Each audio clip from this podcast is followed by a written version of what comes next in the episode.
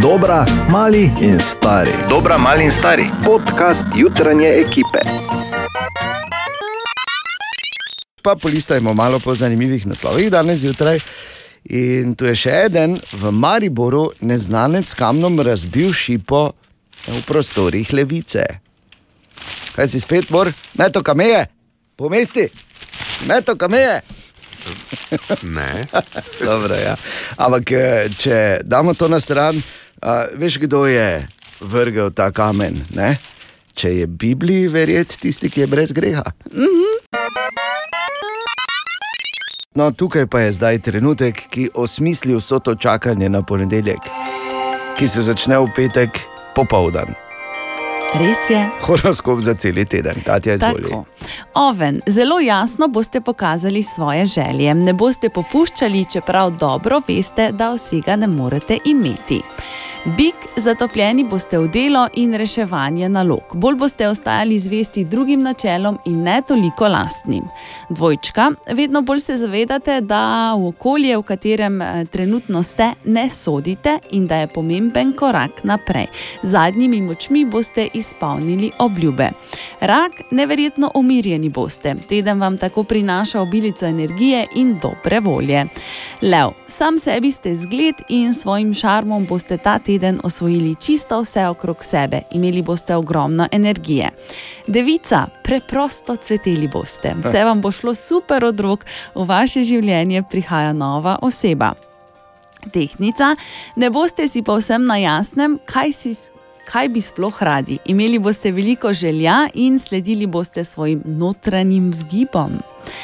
Škorpion, To ni, ja, mislim, kak. Ne vem še. Mi- Mislim, Mi ti nimamo. ne veš. Ja, ja, dobro. Naj samo povem, da to je vse skupaj brez veze. Ne, ni. Ja, ja, kar nadaljuj. Škorpion, kako zares močne so vaše želje? Spoznali boste, da v življenju obstajajo še bolj pomembne stvari kot recimo delo. Strelec, rahlo zmedeni boste, spraševali se boste o pomembnosti življenja, odgovor imate že na dlani. Kozorok, zaradi nesporazuma boste zatajili svojo vlogo, samo da bi se zaščitili. Ne prelagajte odgovornosti na druge. Ja. Vodnar, zato a še sodla boš zdaj zraven ob tem, da daj slabo. Ja, v redu. Ne, hvala, Katja, To je bom kvalitetno prelagala. novinarstvo, ne? da Ja, zraven. eh, popolnoma objektivno. Ja, ne? brez pristranskosti. Čakam na ribo. Ja, počakaj, vodnar še predtem, zatopili se boste v delo in svoje obveznosti, tokrat ne boste tako osredotočeni na druge, eh, ki bodo želeli vašo pozornost. Čas je, da pospravite in dokončate stvari, ki so vam še ostale, in pa ribi. Koliko svojega časa ste že pripravljeni zatajiti in se izgubljati v sanjah? Vstajam se, nalil si bom vodo, pa rože zalil, da se malo pomirim. Enkrat ne morem imeti normalnega horoskopa. Če nimaš dosti časa več, bor, zato smo ja. zaskrbljeni. En stavek še, počakajte. No. Ne rabim ga, Če je v redu. No, pa več. V teh dneh boste spoznali, da obstaja način, ki je za vas najboljši, da se ponovno aktivirate. To že poznamo To nekaj časa, ja? Viljamovka, bor, ne? Ena od treh, treh, treh. Jutranji sprehod po zgodovini popularne glasbe. In tako bo svoj 67. rojstni dan praznoval še en, ki je pomagal soustvarjati soundtrack 80-ih, pa 90-ih tudi, in pa nekdo, ki eh, je pač s svojim klavirjem v bistvu poskrbel za, za to, da je marsikateri nadobudni pianist no, dobo idejo. In so ga zasrbeli prsti prvič v življenju, in na to so se rodile številne zanimive zgodbe. Aha, torej- Bruce Hornsby. Torej, ne, nisem jaz, jaz A nisem ja, ta okej. mladi pianist. Jaz imel druge so vzornike. prsti, niso kaj. Drugi vzorniki. Bruce Hornsby pa je eh, res lepo, nekako se zdi, da zajel duh časa in 80-ih uh, v svoje partiture uh, na klavirju. Hitih kot so denimo Valley Road.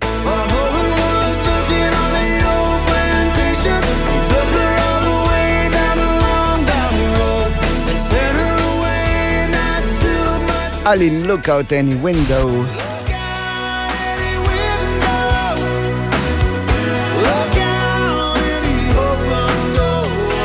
In pa seveda ta z klavirskim rifom, ki ga vsak koliko toliko spodoben pianist pač enostavno mora znati. The way it is. That's just the way it is. Some things will never change. That's just the way it is. Ah, but don't you believe Ta-da-da, ta-ta, ta-da-da, ta-ta, da-da. Ne? Točno tako. Točno tako. ok, Bruce Hornsby, The Way It Is, pred njegovim 67. rojstnim dnevom, ki bo jutri, takoj po oglasih. Želimo dobro jutro. Dobro jutro. Dobro jutro. Dobro jutro. Fake shops je recimo izraz, ki ga včasih nismo poznali. Roko na srce, če kdo včasih eh, kaj zahinavo ali pa kaj za švinglo, je tvegal vse v našem mestu in okolici, da so prišli pubeci not, pa so naredili obram, ne, kot se je reklo. Okay. in je bilo to. to. Internet pa enako kot avtocesta, seveda ne prinaša samo dobrih strani in glede na to, da v tem prazničnem eh, obdobju ali pa predprazničnem obdobju bo marsikdo marsikaj naročil, prosim, dajmo se paziti na tako, torej, tako imenovanih fake shops oziroma lažnih trgovin. David, zdravo. Tako, ki ponuja vse možne izdelke, ki jih ljudje plačajo, in potem oni enostavno ne pošljajo tega, kar so ljudje naročili, ter zaprejo spletno stran, denar pa poberejo, povedano po domače. Zdaj, ene te trgovine so narejene zelo amatersko in takoj vidimo, da nekaj ne štima, nekatere pa res izgledajo profesionalno in nam hitro lahko dajo vtis, da je vse v redu. Najlažje pa se pred njimi zavarujemo tako, da poiščemo vse relevantne podatke o spletni strani, pravi Matjaž Jakin iz Zveze potrošnikov Slovenije. Zdaj, bistveno je kontakt prodajalca, ne, kdo sploh je prodajalec. Če tega podatka ni ali pa je težko dostopen, ne, je že to slab znak. Pač prodajalci morajo vedno napisati um, svoje kontaktne podatke, za katero podjetje gre, ne iz katere države, da se potrošnik tudi lahko potem odloča. Tukaj je veliko bolj ugodno za potrošnika, če gre za prodajalce iz EU, kot pa če gre za neke firme iz tretjih držav, ki, kjer je v bistvu skoraj nemogoče potem ukrepati, če se izkaže, da je bila prevara. Ne. Torej, če se nekaj zdi sumljivo, je eno od orodij tudi preverjanje spletne domene. Več servisov za to obstaja, najdemo pa jih s preprostim iskanjem po spletu in tam potem lahko vidimo, kdaj naprimer, je bila domena registrirana. Če je bila prejšnji teden ali prejšnji mesec, je možno, bolj možno, da gre za prevaro naprimer, in smo previdni. Treba pa je paziti tudi na nerealno dobre ponudbe. Zelo visoki popusti, tega kar velik. Tam 50, 60, 70 ali pa tudi več, ne odstotkov popustov na neke um, izdelke. Zdaj to je spet uh, malo verjetno, da bi bile neke znamke neznane um, tako znižene. Ne? Tako da to so vsi znaki, ki jih morajo potrošniki v bistvu preveriti. In, um, če se jim karkoli zdi sumljivo, preprosto raj, naj raje ne kupijo od, od teh prodajalcev, tudi če ni recimo e-mail naslova, a ne um, jasno navedenega, kamor se lahko obrnejo. Preverjanje je tukaj torej zlati standard, na kratko povedano. Ok, je pa res, da včasih take lažne trgovine oziroma fake shops ne čakajo, kot je nekoč čakala želva hlastovka Vinko v Mariborskem parku, ampak tudi pridejo naproti ne, s kakimi e-maili. Ja, seveda želijo priti na vsak način do denarja, zato so tudi postavljene. Dr. Marko Hrbl iz Univerze v Mariboru, fakultete za elektrotehniko, računalništvo in informatiko, je povzel. Če dobite preko maila neke nenaročene ponudbe, sumljive ponudbe, v takšnem primeru zagotovo je treba dvakrat premisliti. Ne? Sicer bi pa priporočil bolj uporabo nekih uveljavljenih spletnih trgovin, ne nekih eksotičnih ali pa takšnih, ki jih ne poznamo, ker se veliko krat lahko zgodi in pri bistvu ni nekega tehničnega ukrepa, da bi ugotovil, če je dobro narejena taka spletna trgovina, se pravi lažna spletna trgovina, da je za nekega lajka, da je to lažna spletna trgovina. Morda pa je dobro, da tretiramo spletne trgovine kot bi realno trgovino. Če greš mimo fizične trgovine in izložba deluje čudno oziroma sumljivo, pač ne greš notri, eh, poiščeš rajši trgovino, ki ji zaupaš. A pa greš notri, pa narediš obrambor. Ne? Ja. Ne, vse to so vse dobre ideje, ne? ampak še, še en dober nasvet imam. Jaz sem izkušnja, da karkoli si na Facebooku kliknil, ko je bila reklama, ni prišlo. Tako. Tam je res je leglo. Na tako hec ali so bora. Amatersko. Ne Ja, res je. Če pa so bili še ne metuljčki, ko to odpreš, pa so tako, na- pa sami ven grejo, smisel, to bomo. Mhm, nikoli ne prišli. Metuljčki, ko odpreš, ne. sami ven grejo. Glej, Ja, To je nekaj, kar bi odrasel moški res rabo. Ja. Če ni za Jaz- mene. Zdaj si mi povedal, Bor, joj, jaz gledam nekaj, mi manjka. Odpreš, pa sami ven. cel taki dan, ja, papirnati. Ne samo cel dan, cel mesec, leto, pravzaprav življenje, gremo tako mi nekaj cel čas manjka. In nisem vedel, kaj in sem iskal. Iskal sem marsikje, na letališču, na strelišču, na igrišču, ampak eh, ne, hvala Bogu. Rabo mi metulčke, ki sami grejo ven. Še enkrat dobro jutro. Dobro jutro. Dobro jutro. Še kaj, ko včasih prebereš, recimo, kakšen naslov ali pa kaj, pa ti je tematika tako znana, da moraš potem iz božje previdnosti, ker te tako tvoja lastna zgodovina neumnosti oči vseeno nekaj vprašati, da ne bi zagazil. Poznamo ta občutek. Ne? Okay. In tu je namreč ta naslov, da so na kitajskem nekomu prepovedali vstop v olju kenit, restauracijo, ker je preveč pojedo. In zdaj se vrnemo na začetek. Ker kar nekajkrat smo bili mi na piknikih, kjer je bilo olju ken it v šeflingih, dokler Bor ni prišel zraven. Ne? Ja. Si bil kaj na kitajskem Bor te dni? Dobro jutro. Dobro jutro. Dobro jutro. Okay, naj zdaj povem, naslednji seznam so sestavili strokovnjaki. Okay. Zato imejte v mislih, da ne streljate sela oziroma prenašalca sporočila. Nekaj o žensko. Ja, ja absolutno Kdo- je ja, ženska. Čutim. Seveda. Absolutno. In sploh od, od takih, ki so v bistvu nad tem, da uh, obrnejo nov list oziroma novo desetletje. Veš, od takih, ki so skoraj 30 ali pa ki so malo preko 30. Ne počutim se nagovorjeno. No, poslušaj. Kakšno na ključje. To je dolga leta izkušenj in napisali so seznam stvari, ki bi jih ženske morale nehati delati do 30. leta. Joj, ne, no, Ja. Eh. Ja, Ja. povej. Tako. In bom prebral, zato ker hočem biti koristen. Okay. Se pravi, se strastno poljubljati v javnosti zaradi pozornosti. Ja, no, kaj? Nisem jaz okay. Napisal tega. Dobro. Uh, Imeti plišaste živalice na postelji. Okay. Ne. Absolutno bi bilo treba nehati s tem, ker to Ne. je, oh ja, to je totalni mudkiler. Nisi več tako mlada, kot si misliš. Ne. Okay. Torej, ne več zameriti ljudem iz srednje šole, to bi morala do 30. spustiti. Okay. Um, med, o, veš, tako imajo, joj, Jared leto, oh, ali pa mnogo, oh, včasih je bilo, oh, Borg Reiner, oh, ne. Aha. Crashing Včasih. on celebrity. Tega več naj ne bi bilo, ko si 30. No, lahko pa pokomentiraš, da ti je nekdo všeč, ne? ampak ne, ne preveč. Ali kak, ne? Tako. Pa to? Verjetno. Okej. Misliti, da ti je vse jasno. Okay, to nam ja. že dolgo ni. Je dobro. To nam že dolgo Klicati ni. ja. svojega očeta, ati, to moraš nehati, ko si 30, oziroma do 30. A, se, se, ja, se prepirati za brez veze z brati in sestrami. Okay. ja, a, pričakovati, da bo moški opravil vso dvorjenje, in pa okay. Upati, da bi imela življenje koga drugega. S tem moraš nehati do 30. Okay? V redu, recimo, da se strinjam z vsem, ampak plišaste živali in atijami pa puste. Joj, pa koliko si stara. Želimo dobro jutro. Dobro Dobro jutro. In zdaj priznajmo, včasih, ko pogledamo koga, pa recimo sodelavca, se zazremo v njegovo frizuro in si mislimo o tem cehu, ki skrbi za, za frizure, da je to ena. Banda, samo ena beseda. Banda, banda, banda. Kaj ti lahko to naredi, Bor? Aha, aha, aha, aha, aha, aha, aha efekt. In danes Bor odgovarja na vprašanje, odkot, tako sprašuje Matija, izvira rek, metati bisere med svinje oziroma svinjam. Odkot drugot kot iz Evangelija oziroma svetega pisma, Evangelija po Mateju.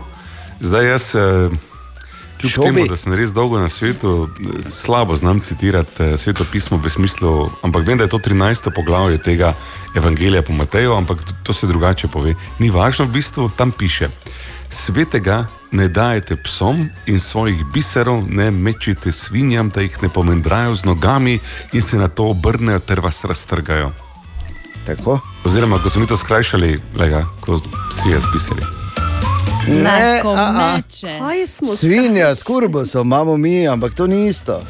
Metati bisere svinjam, metati bisere svinjam seveda pomeni ne, imeti čudovite nasvete, ki pa jih absolutno nihče ne upošteva, še več zaradi tega te lahko tudi zaničuje. Ja, tako Ja, večkrat ali slišimo jaz, zjutraj to. govorim skoraj vedno, Kot življenje, ne pač mu rečemo v Mariboru. Ali tudi vi pogosto tavate v temi? Aha, efekt, da boste vedeli več. Vreme danes bo torej tako, idealno za v kino id, za v Maribox in tu je še en namik. Po velikem srpskem filmskem hitu iz leta 2018 je tukaj srpsko nadaljevanje. Ja računam na tebe, ti češ da budeš tu, ako se meni nešto desi. Znači, da budem pičkica. Pero Maraš je nov kralj srpskega podzemlja, ki ga ščiti država. Srbija. A ti si političar, pandur, vojnik, plačenik. Biznismen. Maraš in Bačo se odpravita v vzhodno Srbijo, kjer pa izvesta novice, ki jo prisilijo, da spremenita načrt in se vrneta v srednjo Srbijo. Ako se on ne vrati živ, meni je svejedno, da li ću te ubiti ili ne. Južni vetar, ubrzanje, srpski. Akcijski film v Mariboku. Maraš, ovo je Maraš, ubi ga, ubi ga. Što se dereš bre, ovo je Srbija?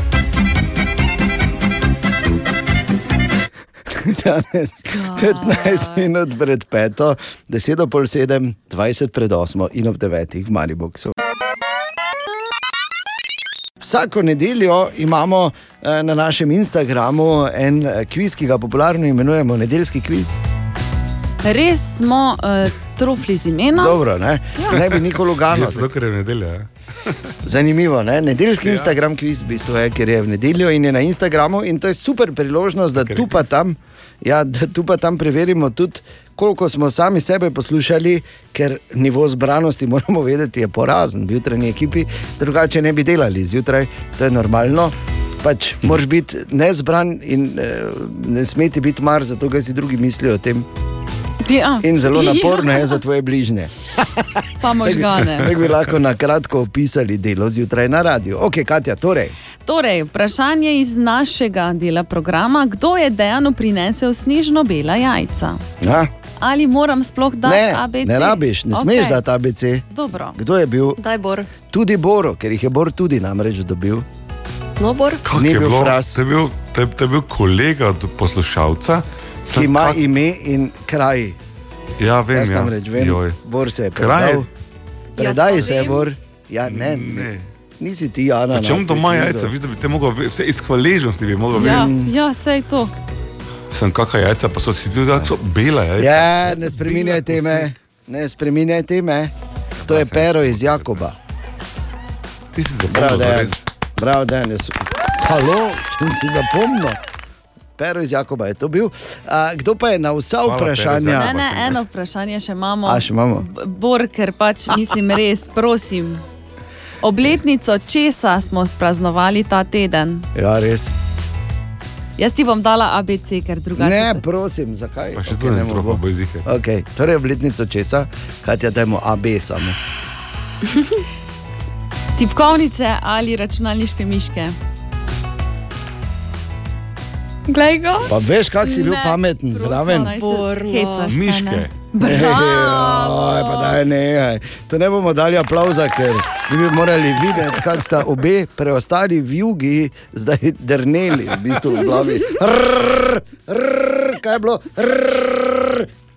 Okay, ampak kdo od poslušalk ali poslušalcev je odgovoril na vsa vprašanja, Katja, in bil je žreban za našo Marelo? Vanja Vampel. Bravo, Anja, Čestitke, hvala ti.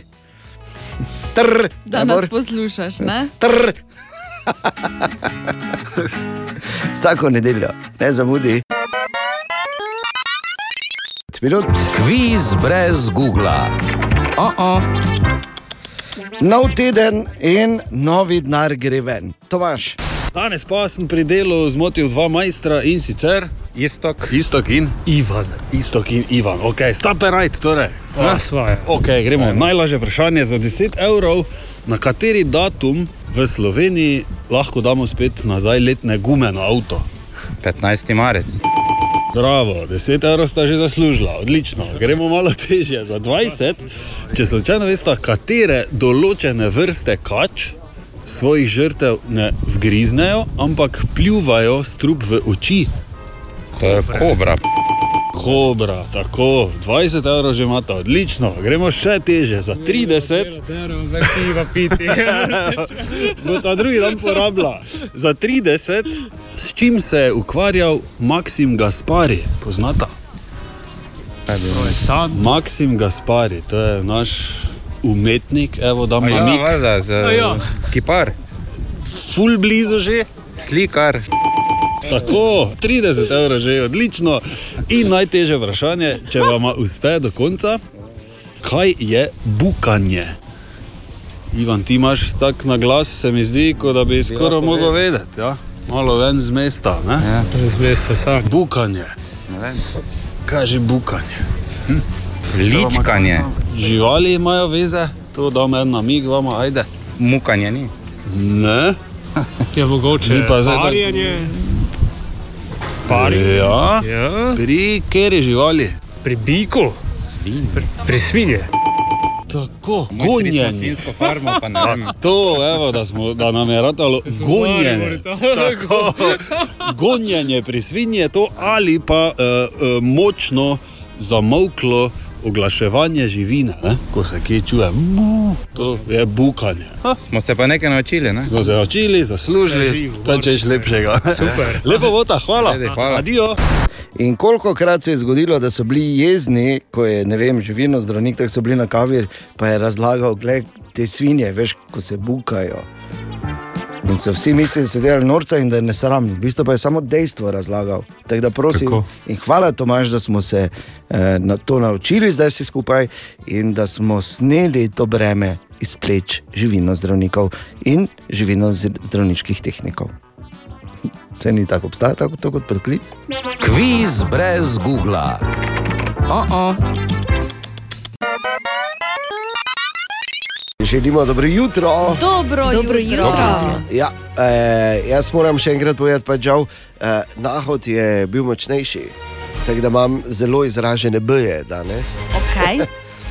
Vse se trudim, ampak Bomo pač včasih bo bolj skuhali. tako. Tako da uh, pač na mestu meja B danes, pa kaj češ, verjetno nisem edini, ampak to nas ne Niti ustavi. ne, ne. Ja, tako slišimo. Ne? Samo s tem, da ti, jaz na en dan, ti pa tri mesece že. Ne? Ne, Torej. Ni že v leto raztegnilo počasi. Ja. To pa nas ne ustavi, da ne bi malo debatirali skupaj. In sicer imam jaz en seznam uh, super moči, ki bi si jih ljudje najbolj želeli, če bi lahko izbirali katero koli super moč. Ampak preden moramo narediti en primerjalni test oziroma primerjalno raziskavo Okej. na naših družbenih omrežjih. Če bi lahko izbirala ali izbiral, katero super moč bi izbrala oziroma izbral. Torej, po ekipi naši jutranji, kaj bi lahko zbrali? Katja? Jaz bi letela. Oh. Jaz nikoli Oh. oh. več ne bi hodila, jaz bi še sama letela. Okay. Lepo. No, Jaz se tako te gledamo, tu včasih te greš malo čez, malo na tlemi, tako ne? Ja. O, kak So lepo. tako zi. Tako veš, ko greš zi. Tako je Jezus povodil. Ja, kaj pač, primerjave so pač poljubne. Jaz sem pač hotel reči, tako kot one v uh, komediji o Drakuli, ampak dobro. Pa dobro. Uh, torej, Ana, Jaz bi bila pa nevidna. ti bi bila nevidna. Malo bi šla pogledat tu in tam, če razumeš. Okay. Ja, ja, razumem. Bor, kaj pa ti? Jaz eno pomoč, ki še nisem zasledil v nobeni seriji, v nobeni knjigi, ampak je zelo podcenjena super moč. Jaz bi, pa da nisem nikoli zaspan zjutraj. To je res, ja. Te se ti mi zdimo večkrat kot superjunaki, v bistvu, ko nas gledaš. Ne? Krja. Se ne vem, če je to bila pohvala ali nas je zdaj užalo. A, a, torej, Ne vem, sem preveč zaspan. Jaz bi vzel vse, kar ima Drakula. Razen pač tiste ugabnosti, A ampak ostalo pa ja. vse. Ampak kaj pa ti, katero supermoč bi izbrala, oziroma izbral, če bi lahko, povej na naših družbenih omrežjih. 23. november, dobro jutro, mirno, ali, no. pozdrav generalu. Ne vem, kak je pozdrav. No, ne veš? Ne. Tudi jaz ne, ker sem si izmislil, da je to povelje. Ampak danes je na mestu 23. november, je pred 103 leti, dvema urama in 37 minutami, če smo natančni, je poveljnik takrat novo ustanovljene slovenske vojske, prve v novejši zgodovini, mimo grede, general Rudolf Meister, za prijatelje umetnike, znan tudi kot Vojanov, ne, razorožil nemško zeleno gardo, ki, je pripra, ki se je pripravljala na to, da prevzame Maribor in slovensko Štajersko tako dokončno pripoji nemški Avstriji. Pa je Rudolf rekel: Ne. In svojimi pogumnimi borci, kasneje znanimi kot majstrovimi borci, prevzel kontrolo nad mestom. In s tem dejanjem je Maribor tudi dejansko uh, nekako zakoličil to, kar je začel že škof Anton Martin Slomšek, ko je prenesel sedež Lavantinske škofije v naše mesto. Ne, Maribor je postal slovenski. No, potem so se nekaj pogajali, sem pa tja, ampak eh, potem je avstrijska stran celo priznala pravico slovencev do Južne Koroške. Tako da Rudolf Meister je naredil ogromno, ogromno lepega, to, da so zdaj končno uh, uredili njegov grob uh, in da je spominska plošča končno taka, kot mora biti od včeraj, uh, je še najmanj, kar bi lahko naredili. To, da je državni praznik, pa da ni dela prost dan, je navadna svinjarija. Bua. Bua! Kdorkoli že to odloča, bua, odločevali, bua, bua. Bua. Nespoštljivo do velikega dejanja Rudolfa Majstra, čeprav koliko krat v šali je kdo rekel, da je ti majster, se nas je samo zasral, kako bi bilo boljše, če bi mi danes bili v Avstriji. Je ne, ne bi bilo, ne. Ne, te- prav trenutno ne. ne. Prav trenutno ne, ja. Pa še predstavljaj si, da bi se videli, zdaj tako lepo se pozdravimo z našim čudovitim mariborskim pozdravom, oh, ki pove toliko v eni črki, da bi moral biti v Guinnessovi knjigi rekordov. Ja, res da, če bi je. morali Guten Morgen govoriti, kako te ble. Koliko črk več, pa koliko manj pove. Ne? Ja, tako da danes, uh, ko greš čez trg, čez uh, trg tam mimo prve gimnazije in boš videl kip majstra ali videla, kako drži za svojo sabljo, pač pokloni se, pa čeprav samo za trenutek. Danes je torej njegov dan in danes slavimo njegovo izjemno junaško dejanje. Ali pa če greš na majstrov stolp, recimo na Zavrhu gor, samo pazi, iz eh, prve roke ti povem, ko je mokro, pa spolsko, znajo biti te štenge zelo. Da se ne bo zgodilo, da boš prišla dol ali pa prišel tri minute pred vsemi. Danes je napovedano, sicer ne bo tisto sonce, ko vun letiš v kratkih, pa ti je vseeno, če si se kaj obuval, ne? ker bo vseeno do 8 stopinj samo, tako da pozor. Ampak to seveda pomeni, ko so malo nižje temperature, da je pražn, praznični čas vse bliže, ta vikend že prva adventna, petek prižgemo lučke. Ja, Je. ja tako. Daj, Pre- krasimo studio. No, v redu, T, po želji. Ampak da ne bo slučajno potem kakega letanja, ker ogromno naročil bo za te praznike šlo preko spleta. Eh, Pripravljamo v tem tednu eh, kar enih par koristnih informacij. In ko smo govorili včeraj o tako imenovanih fake shopsih oziroma lažnih trgovinah, pa danes tudi uh, govorimo o e-pošti, ki je lahko prav tako lažna in škodljiva, in s katero uh, tudi zbirajo naše podatke. Kako se zaščititi pred takimi stvarmi? To je raziskal David. Ja, prva zaščita je definitivno zavedanje, da so te prevare lahko zelo kreativne, če se lahko tako izrazim. V tem primeru so izbrali Pošto Slovenije, lahko da bodo v prihodnje karkoli drugega. To se namreč da zelo hitro preimenovati oziroma preoblikovati v sporočilo od naprimer Fursa, PayPala, Mercatorja, karkoli. Zato sta na prvem mestu seveda previdnost in pa preverjanje zelo zaželena. Matjaš Ekin, vodja pravne pisarne na Zvezi potrošnikov Slovenije, pravi, da je dobro najprej preveriti naslov, s katerega smo prejeli takšno pošto. To je treba prav te URL naslove prebrati. Um, in če niso prepričani, potem se raje obrniti na tistega ponudnika. Pa vprašati, da je to res, ta mail res prišel od vas ali ne. ne. Tako da tukaj ne, ne, res ne, ne smejo kar zaupati, pa klikati v neko povezavo v e-mailu, brez da bi res preverili, ali je v tem e-mailu karkoli sumljivega, um, ne karkoli, kar um, iz česa je dejansko razvidno, da ne gre za pravega ponudnika. Čeprav je vizualno lahko zelo, zelo podobno pravemu mailu. Tako da tle druge, druge možnosti, kot da so potrošniki vzamejo malo časa, pa preberejo, um, res ni. ne. Se pravi, dobili bomo sporočilo z naslova, ki ima na koncu naprimer posta.si, ne pa karkoli drugega, naprimer posta.com ali posta.si, se pravi z dvema ajema ali karkoli podobnega. Po takih stvarih lahko torej ugotovimo, da to ni legitimno.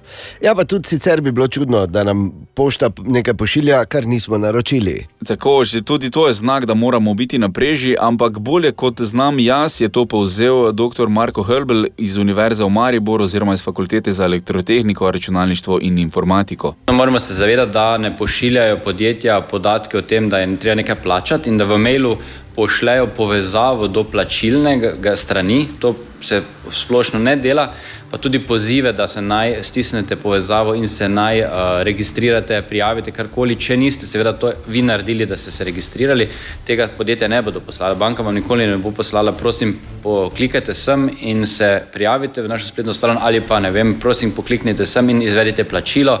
Kaj takšnega vam podjetja ne bodo pošiljala. Sicer pa, če bi si podrobno pogledali konkretno ta sporočila od Pošte Slovenije, bi hitro ugotovili, ne, lahko smo pozli mogoče na čudno rabo slovenskega jezika, ker se dosti krat uporabljajo avtomatska prevajanja, pa, pa je jezik malo bolj čuden, to kar ne pomeni, da ni slovensko, ampak je mogoče besedni vrstni red čuden. In kot generalni nasvet velja, da nikakor in nikomor pošiljati podatkov ali gesel ali pa sploh ne kakšnih bančnih kartic. Pošta bo počakala kakšno uro ali kakšen dan, če ima res paket za nas, v tem času pa seveda mi preverimo, kaj se dogaja, če gre sploh torej za legitimno sporočilo. Tako, evo, pa je še par koristih na svetu. Še en namig za Maribox.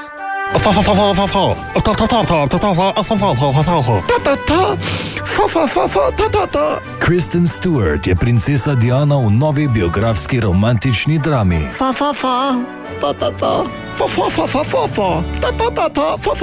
Zgodba je postavljena v leto 1991, ko se Diana odloči končati svoj zakon s princem Charlesom.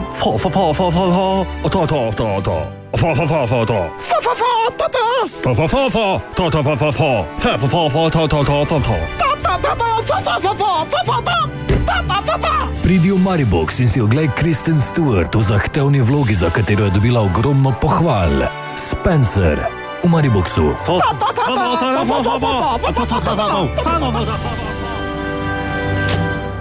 Danes o pol osmih. In imamo prav, eno prav posebno vprašanje za HFX danes zjutraj, korenini pa v eni debati, kako uro nazaj. Imamo vprašanje Katarine, ki jo zanima, ali ima Doli Parton umetne. Ja, in to zato Katarino zanima, ker pač vehementno to trdi, njen sodelavec pa razlaga, da temu ni tako. Ker... Samo se moramo zmeniti, kdo je Katarina. Ali je to Katja, ki je bila bila na prvo žogo, ali je to Tine, ki vemo, da se rado kiti za Daj, no, to slučajno Valjda, da je Katja. Mene pričakuje, ali pa celo ne bom kazal s prstom, bi to lahko bilo. Valjda, da je Katja to, ne? In valjda, da sem jaz ta, ki trdi, da kaj pa naslednje, kaj bomo rekli, da božička ni, mislim, veš, kaj ti hočem Pa reči. daj, no, to nekaj, ni. Torej- malo, kaj je, to, to ni šala. To, za moške je to nekaj tu v tem Tako. In odgovor pride v Eh, HFX. daj. Aha, aha, aha, aha, aha, aha, efekt. And now the question to end all of the question. torej, vprašanje, kaj je, Katja? Moraš po slovensko še povedati. Ja, no, vprašanje, ki bo v bistvu pomenilo konec za high effect, ker ga bo težko preseči. Katarina je vprašala, ali ima Dolly Parton umetne, zato ker njen sodelavec trdi, da nima. Ona pa da ima. Tako. Torej, Dolly Parton ima umetne prsi. A, Priznala Tum, je tum, leta tum. 2004, ko je rekla, da. Ne. Uh, oprosti, vse vem, vse vem, ampak moram do konca povedati. Ko je rekla, da ima takšne težave z svojo 40 DD košarico, da jih mora zmanjšati zaradi Ja, pritiska okej. na, na, na hrbet. ne. Tako da to je bila taka ena korektura. Čakaj, kaj? Je Ona ima samo zmanjšane, ne? Čakaj. Pa, pa je konsekventivno priznala, da je v zadnjih letih potrošila ogromen denar, da je svoj trademark, ne, torej Ja. ja. blagovno znamko od spredaj, več čas že popravljala. Aha. A, okay. Na kar se zdaj, če reče človek, gleda slike Dolly Parton, ko je bila stara 15, pa potem malo več, pa potem še malo več, um, se vidi, da je nekje za začetkom pevske kariere tudi oprsje nevarno eksplodiralo. Ja, pa veš zakaj? Ne, ne išči izgovora. Ne, ne. Ima komade not skrita. Ne, Ne? ne. ja, navdih. Ja. Ne, ta, to je veš, ona ko poje, ker ona poje kot slavček. In ona da, veš, vso to moč in nekje se je morala ta moč nabirati. ne. Ja. Veš, Nakopičilo Kamela ima grbo, ne? ona pa pač ima spredaj, ne? ker si noter. Ne? Samson je imel lase, pa tako dalje. Ne? Luča so izrasla. Ja. V vsakem primeru uh, bo porazno. In uh, mislim, da bom nehal ahajfekt poslušati, ker to je glih tako, da greš. Tako kot sem rekel, povedati otrokom, da ni božička. Jaz bi samo rekla, da bravo, Katarina, kako si pa dela prav. Preden ti karkoli še rečeš, Katja, ki si vse skupaj zakuhala, bom samo ja. rekel, da jaz razumem to pripombo, jemljem obredni nož tukaj in sem se pravkar zaklautil. ja, pa, to je več kak je to, kot da bi šel na nač kofijo, pa jim povedal, da ga ni. E pa da. Ali tudi vi pogosto totavate v temi? Aha, efekt, da boste vedeli več. Danes zjutraj smo torej delali eno zanimivo raziskavo na naših družbenih omrežjih, če bi lahko izbrala ali izbral katero koli supermoč, katera bi bila to. To je bilo vprašanje. In če damo na stran tiste najbolj originalne, kot so, da bi bil smešen kot čalca, ali pa da bi ženo sprvi slišal, ali pa veš, da bi me otroci obogali in to. Če dobimo potem najpogostejše, uh, najpogosteje omenjene, Katja. E, Zagotovo teleportacija, Ja, potem da bi videl prihodnost dobro. in pa da bi znal brati misli. Ok, skratka, uh, vse to, kar rabiš, zato da sebi in bodočim rodovom te omogočiš mirno življenje. ne? Ja, Okay, če dodamo zraven še to, kar smo mi rekli danes zjutraj, da spomnimo, Ana je rekla, Jaz bi bila nevidna. točno, Katja bi, jaz bi letela. ti bi letela, Bor bi bil zjutraj Ne buden. spomnim se, kaj sem rekel, ni važno. Ja, bi, bi bil zjutraj buden. zbudil. In Da pa bi- je, ja. jaz sem rekel, da bi imel vse super moči, tako Drakula, brez ogabnosti. Ne? Ja. Okay, in zdaj naredimo cross referenco z mednarodno raziskavo na temo uh, najpogosteje izbranih supermoči. Če bi imel vse na voljo, kaj bi izbrali?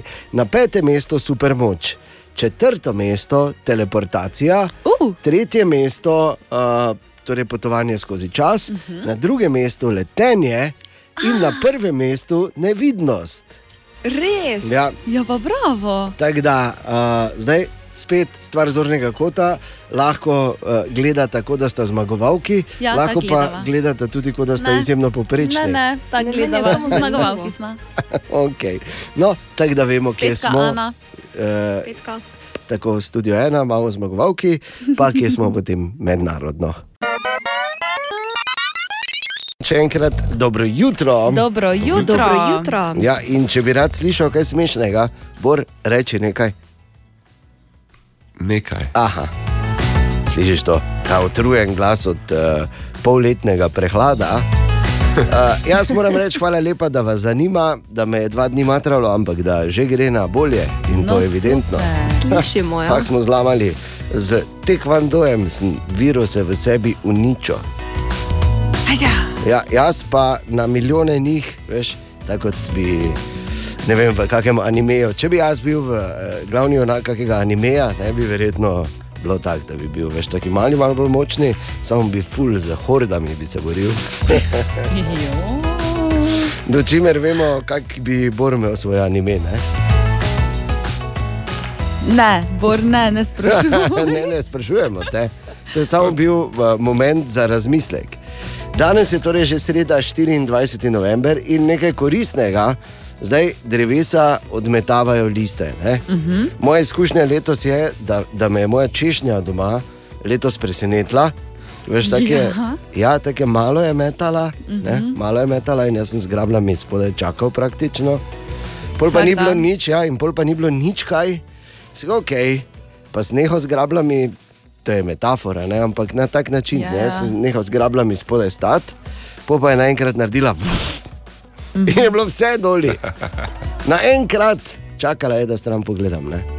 Jaz in moja češnja, to bi lahko pisal. To sliši se Bi kot lahko bila zgodba. Ja, to bi lahko bilo enkrat za domače branje. Ne? Ampak, uh, kar sem, uh, sem šel potem raziskovati, v bistvu, ker jaz pač vedno ročno listje grabljam. Ja. Vidim pa, da recimo uh, pridni delavci Nigrada po mestu to delajo za temi. Mhm. Uh, In to kaki se salec. ja, v bistvu piha, bolj ko se sa. Ne? Ja, ne, jaz sem Najprej videla, kako- na kup, ja, Ja, pa pa not mečejo. ja, tako. Not, no, ja, ja, not Not meče. Tako da pazi, Bor, ker imajo močne mašine. Ampak če imaš tudi ti doma ta, to pihalo za liste, naj ti samo povem, da čist nič ne narediš za sebe, za res. Kaj ti, če grabljaš, je definitivno boljše za te, boljše za tvoje telo. In pri grabljanju v 15 minutah porabiš nekje okoli 130 kalorij, do čimer, ko z onim hodiš, pa pihaš, porabiš samo veliko elektrike, elektrika pa je draga, tako da dajmo se zbrati malo. No? Povem pač. Tako uh, kot smo rekli, če pokličeš servis 211, poveš, kakšna je situacija tam, kjer si ta trenutek, ti damo eno, pa torej VIP pranje, torej top program v uh, avtomatski avtopravnici Krista Limboški 79 v Mariboru. Tako da, halo, kdo je z nami? Ej, Roman, tu kliče. Zdravo, Roman. Torej, povej, kje si, kako je stanje, pa temperature, predvsem danes zjutraj, to nas zanima. Uh, v očah je minus 5, promet je dokaj varen, redek in pa smo še bi moral čohati. No, evo, Roman, tako sem rekel, minus pet v hočah. Bah. Hvala lepa za uh, informacijo, Roman, da si poklical in evo, eno pranje tvojega avta je tvoje, torej dovoli, da ti operemo avto. Hvala. Ja, ni problema, Roman, drži se, lep dan. Čau. Ja, dio. Evo, kaj gre to preprosto. Hop, tu pa že imaš čisti avto. Plus uh, informacija, ki je uh, torej v hočah minus pet, verjetno ni najbolj hladno uh, od uh, vseh stvari, oziroma od vseh krajev, v katerih uh, smo pač danes zjutraj. Tako da, servis 211, povej, ne? minus pet hoče zaenkrat vodi, uh, seveda nas zanima, kako je v drbetincih, recimo, ne? ali pa ostalih lepih. Petinci. Drbetincih, pardon. Na Čakov je danes zjutraj bilo minus 3, če Evo, tako, zanima. v Framu tudi minus 3, če koga zanima, uh, v Novi vas vasi. minus štiri, e, če smo hvala lepa, bravo. Evo, v, cen, v, tu v središču na slovenski eh, ne vemo, zato ker je plin drag. In ko listamo med zanimivimi naslovi danes zjutraj, pa moramo povedati to, da je evo, tu piše leta 1859 na današnji dan izide Darwinova knjiga o izvoru vrst, ki je povzročila velik boom in velja za eno od temeljnih znanstvenih del v zgodovini človeštva. In zato je danes dan evolucije. Ne? In uh, svetovni dan evolucije, kar je normalno, ker, ker ti ravno o tem Darwin v tej knjigi piše. Uh, bi samo rekel, da, uh, da je vse lepo razloženo, samo kot kaže, vsaj po zapisih na družbenih omrežjih in na splošno, potem, kaj delamo, ne vem, če glih drži teorija, ne? ker ne vem, če gremo v smeri naprej. Dobro jutro. Dobro Dobro jutro. jutro. Ja, in zdaj je ena zanimiva zgodba.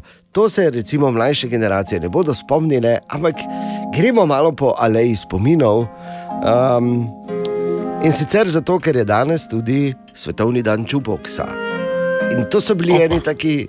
Take zanimive aparature, včasih si jih našel v gostilnah, barih, tudi pri nas, kjer sicer ni bilo toliko teh, eh, bomo rekli, najbolj eh, prepoznavnih jukeboxov oziroma vurlicerjev, ne, ampak si imel eh, pač vse žive, narejene verjetno v Jugoslaviji, če si bil glavni, si imel kakega nemškega.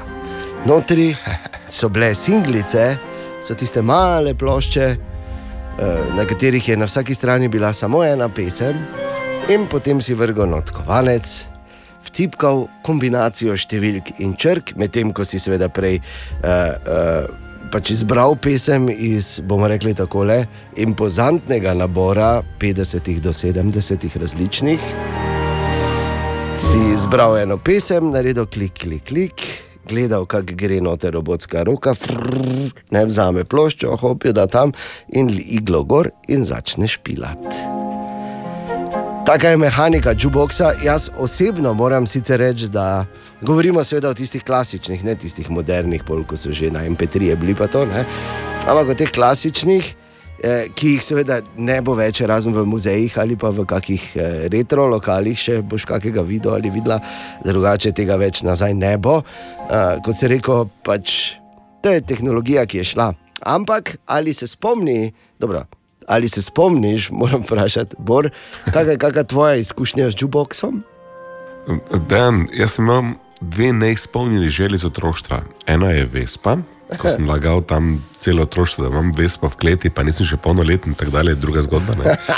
In to, da sem si želel to ti jukebox imeti, ker to je bilo za ljubitelja glasbe, je jukebox bil obljubljena. Res Pazi, to on sam da ploščo gor, sam začne predvajati, samo eno črko in eno številko izbereš in to že kar laufa. Nikoli ga nisem imel. Eh, najbližje, kaj sem prišel, da tako ob eh, tihih večerjih, ko ste vsi že doma, grem jaz na radio, tukaj v izložbo, pa ga malo objamem tega starega našega. Ampak dom, malo ga pobožam, pa si mislim, glej, veš, ni bilo usvojeno nama, ker je zmes potem Dragi moj tehnološki Vurlice. napredek povozil reve že v, v nulo, ampak Res je. glej, ne, ta nek um, občutek, a, vurlicer, ja. pa za mojo generacijo ostaja. Ne. Ja, tudi za mojo, naj samo povem, da me je danes že na vse zgodaj katra, k- katra. Katja gnala, ja, pardon, to imamo tega, ker pač ja, Katjo kličemo vse živo ven Ja, zjutraj. res, ja. Da me je Katrina vlekla kot živino danes zjutraj, da sem moral plaziti, dobro, da imam močen kung fu, ker drugače ne vem, kako bi se k temu Da imam našemu. močen ja, kung da bi se k vrlicerju temu našemu gor splazil, da me je lahko slikala. Um, In kakšna pa je kaj tvoja, tvoja zgodba, imaš kakšno zgodbo povezano z jukeboxom na naših družbenih omrežjih, prosim, lepo, sicer pa tudi, če ne, kako je bilo fajn iti malo nazaj, se malo spomniti. Zdaj pa je ura 9 minut čez pol sedmo in uh, gremo nazaj v realnost, ki je hladna, minus 3, minus 4 stopinje zunaj, pa dobro jutro. Dobro jutro. Dobro jutro. Želimo dobro jutro še enkrat več. Dobro jutro. Eh, okay, naj eno stvar uh, povem, oziroma tu je zdaj za, za vse dame na nek način, v bistvu, uh, je, so ene informacije iz salona, ekskluzivno danes zjutraj. Sicer uh, bo razlagal Pierre, pravi, no, Pierre. To je na svetu za ženske danes zjutraj. Glej, noben moški to ne bo maral, če imaš teh pet lasnosti. Glej, posesivnost, negativnost, neprestano govorjenje, zloba in pa obsedenost kariero. Glej. Hvala. Zdaj pa eh, en zelo zanimiv klic eh, smo dobili malo nazaj. Ampak vseeno, prosim, dajmo najprej poslušati, bomo pol pokomentirali. Dobro jutro. Na križišču proletarskih pa tujske, uh, pa tržaške stoji poleg mene Marica, ampak na pločniku in me gleda.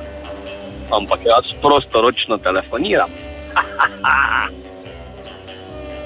Kaki krat.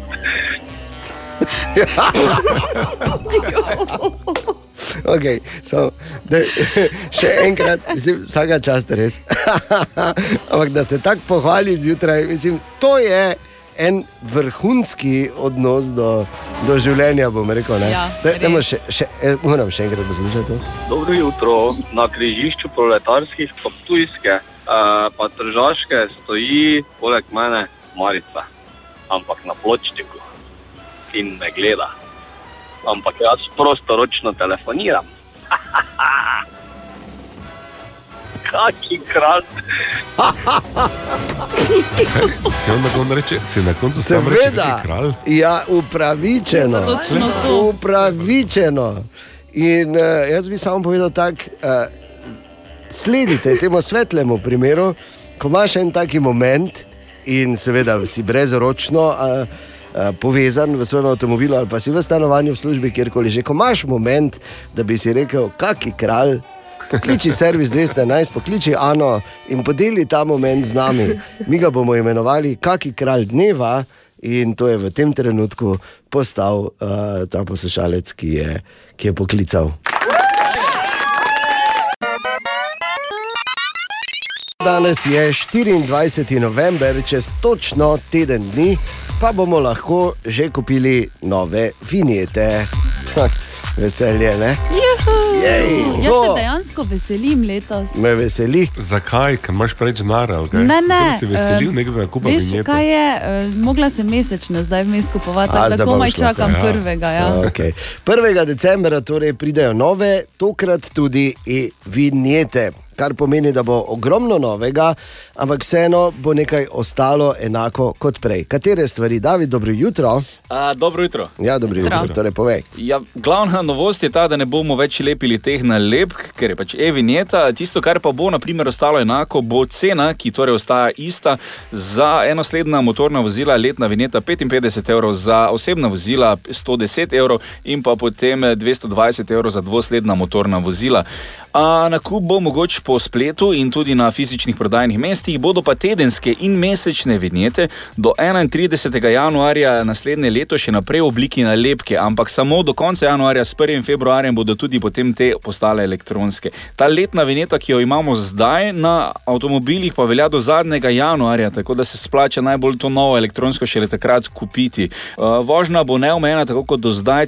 Še ena novost pa bo, da elektronska vinjeta ne bo več vezana na koledarsko leto, ampak bo veljala eno leto od izbranega datuma, ki ga bomo določili ob nakupu. Se pravi, če naprimer izbereš datum 1. april leta 2022, ker želiš poslušati program za rojstni dan reporterja Milana ob vožnji po avtocesti, bo ta veljala do vključno 1. aprila 2023 in takrat spet lahko poslušaš. Mhm. Evo, viš, to je to. In eh, se spomniš, da moraš kupiti novo vinjeto. Ampak na kaj bo vezana vinjeta, David, in kako bo Dars torej vedel, da si jo sploh kupil? Ja, vezana bo v bistvu na registersko številko našega vozila. S kamerami bodo spremljali, če smo torej plačali vineto za vozilo, s katerim smo na avtocesti. Kamere so seveda na uvozih, uporabljali bodo tudi tiste nameščene v vozilih in tako naprej. In kot zagotavljajo na Darsu, bo ta podatek takoj izbrisan iz sistema po preverjanju. Torej, ko bodo ugotovili, da imamo vineto, ki je veljavna, bodo ta, to izbrisali in ne bodo sledili, kje in kdaj se vozimo.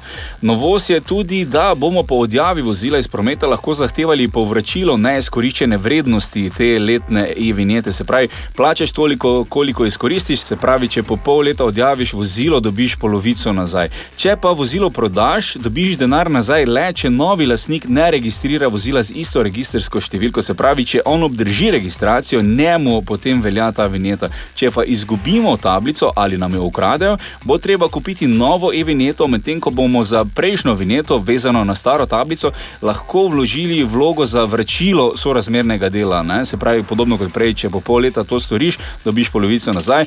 Vlogi eh, pa bomo morali priložiti seveda račun oziroma kopijo računa za nakup te vinjete, tako da se jo seveda splača obdržati. A, pa za konec, če to globa ostaja enaka kot doslej, se pravi, če nas dobijo brez vinjete ali z neveljavno vinjeto, dobimo kazen eh, 300 evrov.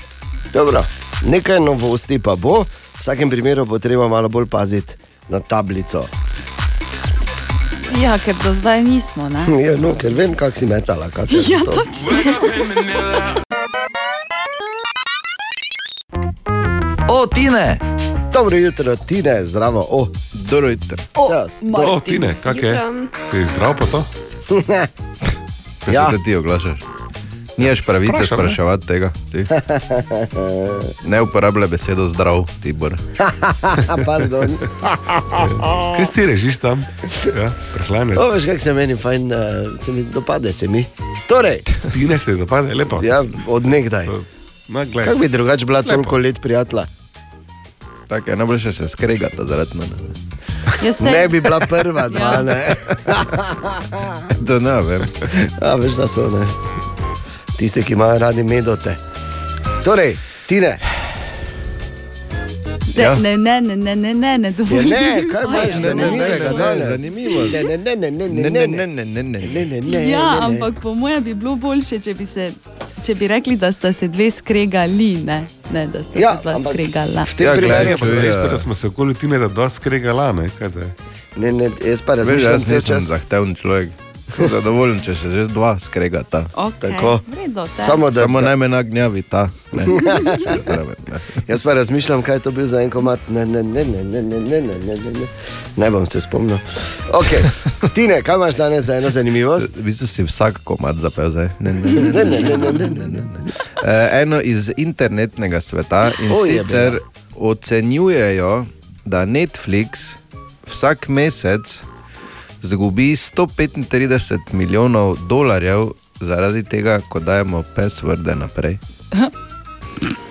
Resno. Ja, no. Ja, se pa si pošeraš, ne? Ja, pa si. To lahko, Če pa si še Pa ja, pa zato pa imajo, zato pa gledaj reveži, kak jim gre Bogu. Ja. Ja.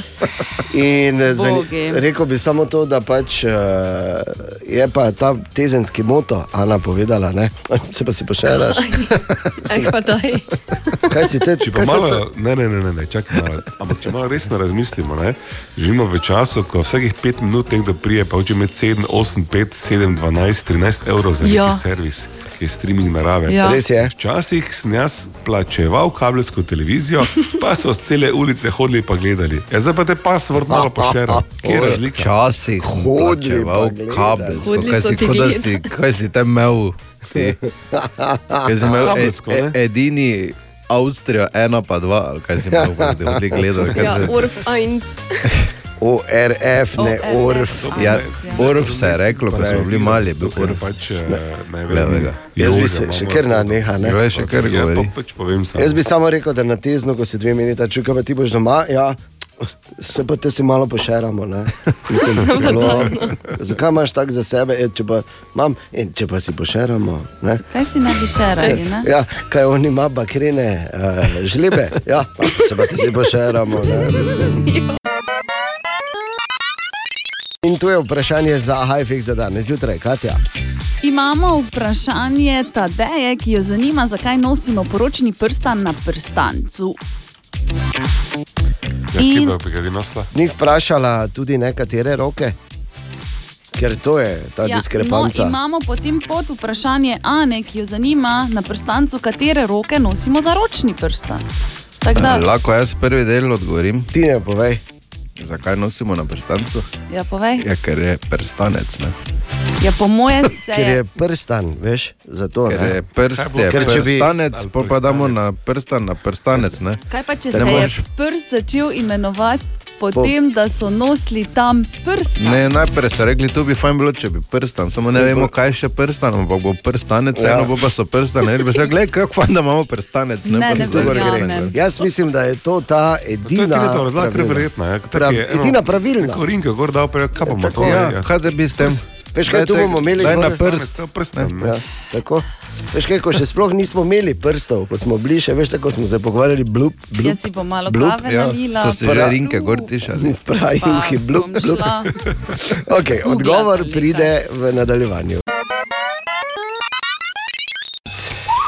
Aha, aha, aha, aha, aha, aha, aha efekt. In v Hajfektu Bor danes odgovarja na vprašanje Tadeje, ki jo zanima, zakaj nosimo poročni prstan na prstancu. Sicer pa uh, imamo tudi podvprašanje uh, na prstancu, katere roke nosiš za ročni prstan. In še eno pod pod vprašanje. In sicer, zakaj eni nosijo poročni prstan na levi, nekateri pa na desni roki. Dobro, začnemo se pogovarjati, pa vidimo, kam bomo prišli. Torej, veliko mitov obkroža dejstvo, da imamo prstan na prstancu. In Uh, eden od teh mitov, za katerega težko reči, ali res ali ne, je, da so stari egipčani mislili, da je prstanec povezan direktno s srcem in da so potem rimljani to povzeli od egipčanov. Ja, seveda, mi vemo, imamo stare zapise, prstanec je povezan z srcem, zato je to prst, na katerem um, mi nosimo prstan. Tudi uh, crkev m, naj bi, da se kristijani razlikujemo od ostalih, uh, izbrala prav tale četrti prst za nošenje prstana in prstan je tudi znak uh, zaveze. Zakaj je, je uh, naj bi izbrali prav ta prst? Zato, ker je ta najšipkejši na roki. Ne? To je mezinec, A. palec, kazalec. eh, Sredinec vemo, da ima svojo moč. ne. Seveda ima. Prstanec je pa absolutno najbolj šibak. Um, po svetu zelo različne tradicije so okoli tega, kje se nosi poročni in zaročni prstan. V Sloveniji vemo, kakšna je navada, leva roka, leva roka. Ja, leva, ne? Kaj, Imaš- ja, kje? Imaš, imaš na levi roki? Jaz imam na levi, ti pa sploh nimaš. Te, te, pa je sram.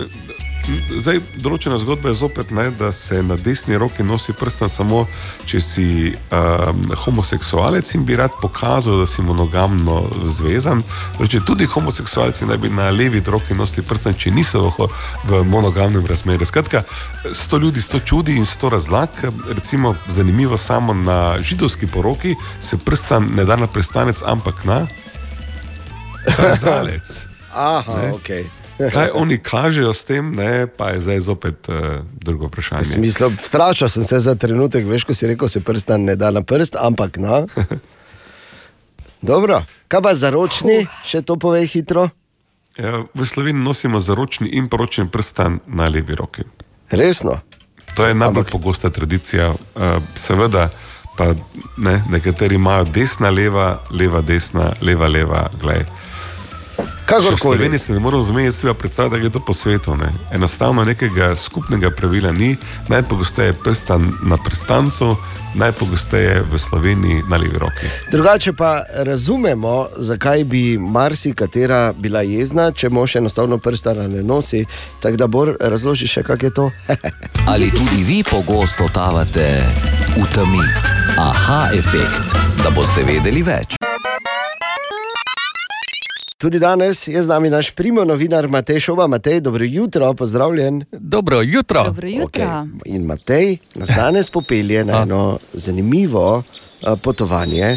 Ne bom rekel ravno direktno med krošnje dreves, ampak bo pa imelo veze z drevesi. Ne? Ja, in kako pomembna pravzaprav so za mesta, je ugotovila zdaj ena precej eh, razširjena evropska študija. Po okoli 300 mestih Evropi so šli meriti temperature tam, kjer so drevesa in tam, kjer jih ni. Torej, kako pomembna so tudi za recimo poletne mesece drevesa v mestih. Vemo, ne, čim eh, v recimo Mariboru izginejo drevesa, je tako velik halo, pa si človek misli, pa dobro, ne, teh nekaj dreves. A, a ni tako. Ni tako, kajti eh, za približno 10 stopinj Celzija, sploh po letnih mesecih, eh, je tam, kjer so drevesa, temperatura nižja v mestih, kot pa recimo na tistih pozidanih eh, delih ali pa tudi recimo na posameznih zelenih območjih, kjer pa ni dreves. Tako da ne samo, da dajo svež zrak drevesa v smislu. Tega, kar je njihova primarna funkcija, ampak tudi eh, znižujejo temperature v mestih. In eh, kot rečeno, eh, kadarkoli se poseka, kako drevo se odstrani, in tega, tega je bilo v zadnjih letih v Mariboru kar nekaj, bi bilo dobro čim prej in čim v večjem meru, meči, večji meri nadomestiti. Tako da, ko govorijo, recimo, da je Mariborski mestni park pljuča tega mesta, da so, ja, to še posebej, kar zadeva hlad, je zdaj tudi strokovno potrjeno. Tako. Ne samo, da so pljuča, tudi hladilnik na nek način. Ne? Ja. Zunaj vroče, ko ti lepo se v 11 svežo, stopinj Celzija, razlike, to je kar ne. Jo, ful, ko se ti v eh, senco vležeš, ko vidiš, da ostali švicajo, tebe pa hoče zanohtati. Dobro jutro. Dobro jutro. Dobro jutro. Dobro jutro. Da je, da je ta petek črni petek, čivkajo in oglašujejo in nas s tem eh, pa na neki način no, Dražijo, nesramni so. Poseljujejo že, že mesec dni v bistvu. Ne? Tako. Tako da ne moreš zgrešiti. Ampak samo naj povem, medtem ko dobivaš ne vem kakšne reklame, ki ti dajo občutek, da boš zadnje tele, če ne boš nič kupo na črni petek, ker je tako uh, tako posebno, ne? oziroma mm -hmm. tako vrhunsko. Mm. -hmm. Naj samo povem eno stvar. In sicer, da so naredili in sicer globalno raziskavo. Uh, primerjali cene ne, v številnih branžah, v številnih državah, in uh, ugotovili, da je 99,5 odstotka, torej praktično vsi produkti, so bili kdaj v letu ceneje ali pa po isti ceni kot na črni petek. 92 odstotkov teh produktov, torej več kot 9 od 10, ima isto ceno, ki jo je imelo 6 mesecev pred črnim petkom. 98,5 odstotka produktov, torej skoraj 9 od 10, je bilo cenejših ali je imelo isto ceno pol leta pred črnim petkom. Ne. In pa 40 odstotkov vseh produ produktov je bilo cenejših, kot je njihova cena na črni petek, v ostalih uh, dneh v, v letu. Tako da, nekatere stvari ne samo, da so ful ceneje, so tudi ful dražje. Ne morem verjeti. Ja, ja. Tako da, prosim, samo to morate imeti v mislih, da je pač to črni petek, je pač eden od številnih konstruktov kapitalizma, narejenih samo zato, da iz tebe izvabi še kak dodaten evro in da se tokrat počutiš malo boljše kot drugače, ker si kao kupo ful poceni. Samo ja. imejte to v mislih in naj vas ne zavede, pomisli na to, kaj res rabiš. In če res rabiš, ha, izvoli, izkoristi. Samo ne si misli, da si toliko večji as ali pa asica kot nekdo, ki je to kupil avgusta. Uglej, USB-C kabli so 50% znižani. Seveda, da so. Gremo se na hitro igro eno leto nazaj, pet let nazaj, deset let nazaj, dvajset let nazaj. Okay, čakaj, da pogledam na 30 let Instagramu svoje spomine. štir- Pa ti takoj Kaj? povem, kaj je bilo eno leto nazaj. Dobro, dobro. To je okay. popularno, ker ti ti uh, OneDrive, pa tam pač, ki imate slike, Google Cloud in to, radi pošljajo sliko na današnji dan, uh Mhm, -huh, pred petimi, uh -huh. desetimi, petnajstimi, Okej. dvajsetimi okay. leti. Ampak eh, mislil sem pač, eh, v, ko rečemo filmi. A V, ja? Uh, tu nekje okoli 24. novembra, leto dni nazaj, ko so bili malo drugačni časi, ki eh, tumasti čas je bil ne, v vseh pogledih. eh, In tudi filmska industrija takrat ni bila nekaj ekstra, uh, bomo rekli, inventivna ali pa inovativna. Kaj ti eno leto nazaj je bil uh, najpopularnejši ameriški slasher film z naslovom Friki, verjetno noben ni gledal. Ne? Ne. Okay. Pet let nazaj, ob koncu novembra, pet let je že tega, je bil najpopularnejši film Fantastic Beasts and Where to Find Them. Oh. Pet Spogledal. let. Deset Koliko? let. Samo malo čakaj, kol, pet let nazaj. Dobro, Borno, daj, lahko pardon, malo zmanjšaš doživetje. Lani je bilo to, ok, pardon. Deset let nazaj, na današnji dan, oziroma ob koncu novembra, Twilight Saga Breaking Dawn, prvi del. Okay, dobro, recimo, ne. Deset let nazaj. Kaj? To je, to je čist pred zadnji film, če se ne motim. Ne? Uh, Katja, ta Breaking vem, Dawn. Ker zadnji je bil v dva dela razdeljen. Ne? Ja, Mislim, to da ti pa ja, to pa ja. razlagati, pa Ja, to ja pa pardon, no. A kdo je Edvardu sledil slepo? Oh, veš kak? Ti pa bor. In pa pred 20 leti, ko rečemo filmi, ob koncu novembra, najpopularnejši film Harry Potter and the Sorcerer's Oh. Stone. Seveda. Ampak, kar hočem povedati, 20 let je že tega, kar je prvi film o Harryju Potterju prišel ven. Tako, pa smo to se šli igro, ja, hitro mine, ne? 1, 5, 10, 20 nazaj. Tu je naš priljubljen jutranji segment iz Borove špajze. Bor. Iz univerzalne dobro jutro borove špajze, ker opazujemo tudi življenjske pojave v tej borovi špajzi. Recimo, eden Lepo. takih je, ko mlado življenje prične uh, se razvijati in začne pet. Ne? Tu smo zdaj mi doma, v tem momentu. Skaja pa vidi, pa skaso. Ima svoj kratke pa lepe paske. Ne rabim razlagati, da je tukaj očetov, mislim, očetov talent, ki se je prinesel generacijsko naprej, je tudi evidentno. Ja. In seveda s tem prihaja večja odgovornost, ker dan tvoja dva sta pela metaliko, če se ne spomnim. Ne, v teh Absolutno, letih. absolutno. Ja. In jaz sem prav po tvojem vzoru razmišljal, kaj bi zdaj jaz lahko njej dal, kot veš ta vzor, da ona to posluša iz dneva v dan in se nauči. In potem, gledaj, ko ni na ključi v življenju, David Hasselhoff je dal ven novi komad septembra, it, je- I love you, oziroma ker on svoj dvojezičen, verdammt, ich lieb dich. Yet again, I can only think of you. Damn it, I love you. Then I don't. Damn it, I need you. Next day I won't. To pa je res podobno kot Nima Master of Puppets, res. Ja, pa, pa, pa, pa nima Čisto. takega, ne, tam, tam tega lepega ritma. Da, Ful, ful Ne, ne, ne moreš, če daš Hazlohofa za vzor, ne moreš zgrešiti, ker je on je, in je moralno lider in ima eh, Totalni, glas ja. in je vozil avto. In je, mislim, oprosti, ne kaj se sploh pogovarjamo. Vozo avto. Ja, no, kit, ne, seveda, meni se z njim pa vse. Glej, nekaj se menimo sploh, manj govora, več muzike, daj, daj še malo Hazlohova. No. Damn it, I love you. Then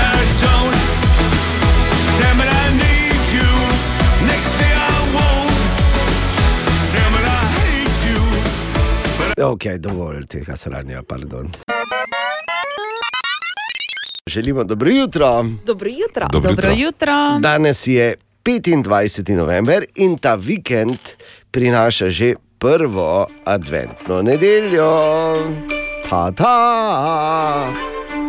Prva adventna. In pravkar sem izvedel tudi, in mislim, da bomo to morali globije raziskati, ampak ne vem, če si vedela ali vedel, da moraš imeti v adventnem šlajer. Če pa je moderno. Šlajer se ima letos v adventnem. Ja, kaj je v tistih? Ne vem, kaj je to. Ja, to raste Pa to v je grmu, zraven. drobne bele cvetove ima. Ja, šlajer. Ja. Šlajer lahko tudi moraš biti pozorna, če ti kdo reče, da ti bo šlajerja pokazal. Ne? Eh, pa To daj. je, moraš, ne nasedi, Katja. Ne? Tako da lahko je rastlina, lahko pa je tudi karkoli hočeš, da je.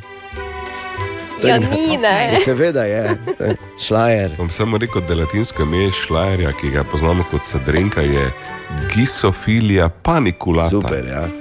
Ja, je- Oziroma, veš, kako zveni tisti stavek iz uh, legendarne zgodbice slovenske, počivala sva v šlajerju. Ne? Pa tako, kako ti se obrneš, pa sploh ni. nič nisem obračal, samo pač pravim, da je šlajer letos baje. ne. Tako da- tako da toliko o tem, da ne bi kdo slučajno pozabil. In pa seveda, naj, eh, če se že pogovarjamo o šlajerju, sorodna tematika, zelo sorodna tematika. Um, Z adventom, oziroma bolje povedano z decembrom, prihaja tudi letos naša največja dobrodelna akcija, ko je božič, ne bo božič za vse. In ker so res taki časi, da da pač res nobenemu ni lahko. No, kakorkoli obrneš, uh, vsak je nekaj izgubil, vsak nekaj pogreša, vsakemu vsaj nekaj manjka. Uh, Pa ne govorimo samo o materialnih stvarih, jasno. Da? In zato smo letos rekli, da bomo pač poskrbeli, da bi bil božič tako, kot je bil včasih, če se le da.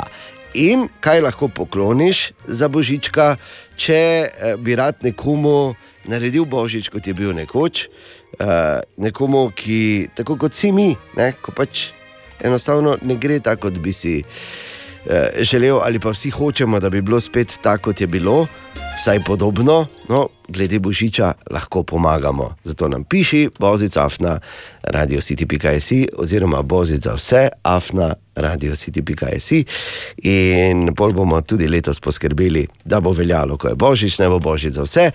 Tudi letos, torej v decembru, oziroma natančneje od 6. decembra naprej. Pa šlajer se ima v venčku letos.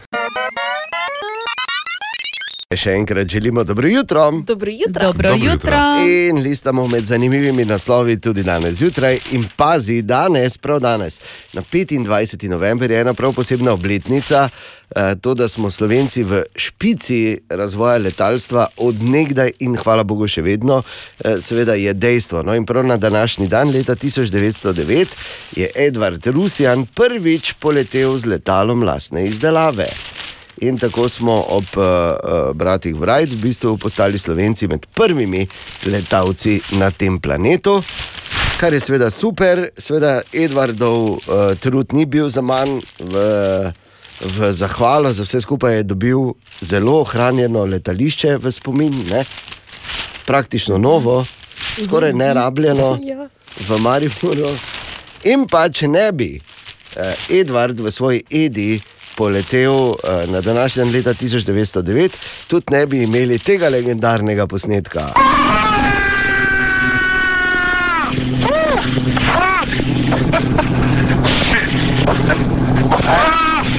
Evo, lupi, može? Ok. Ajde,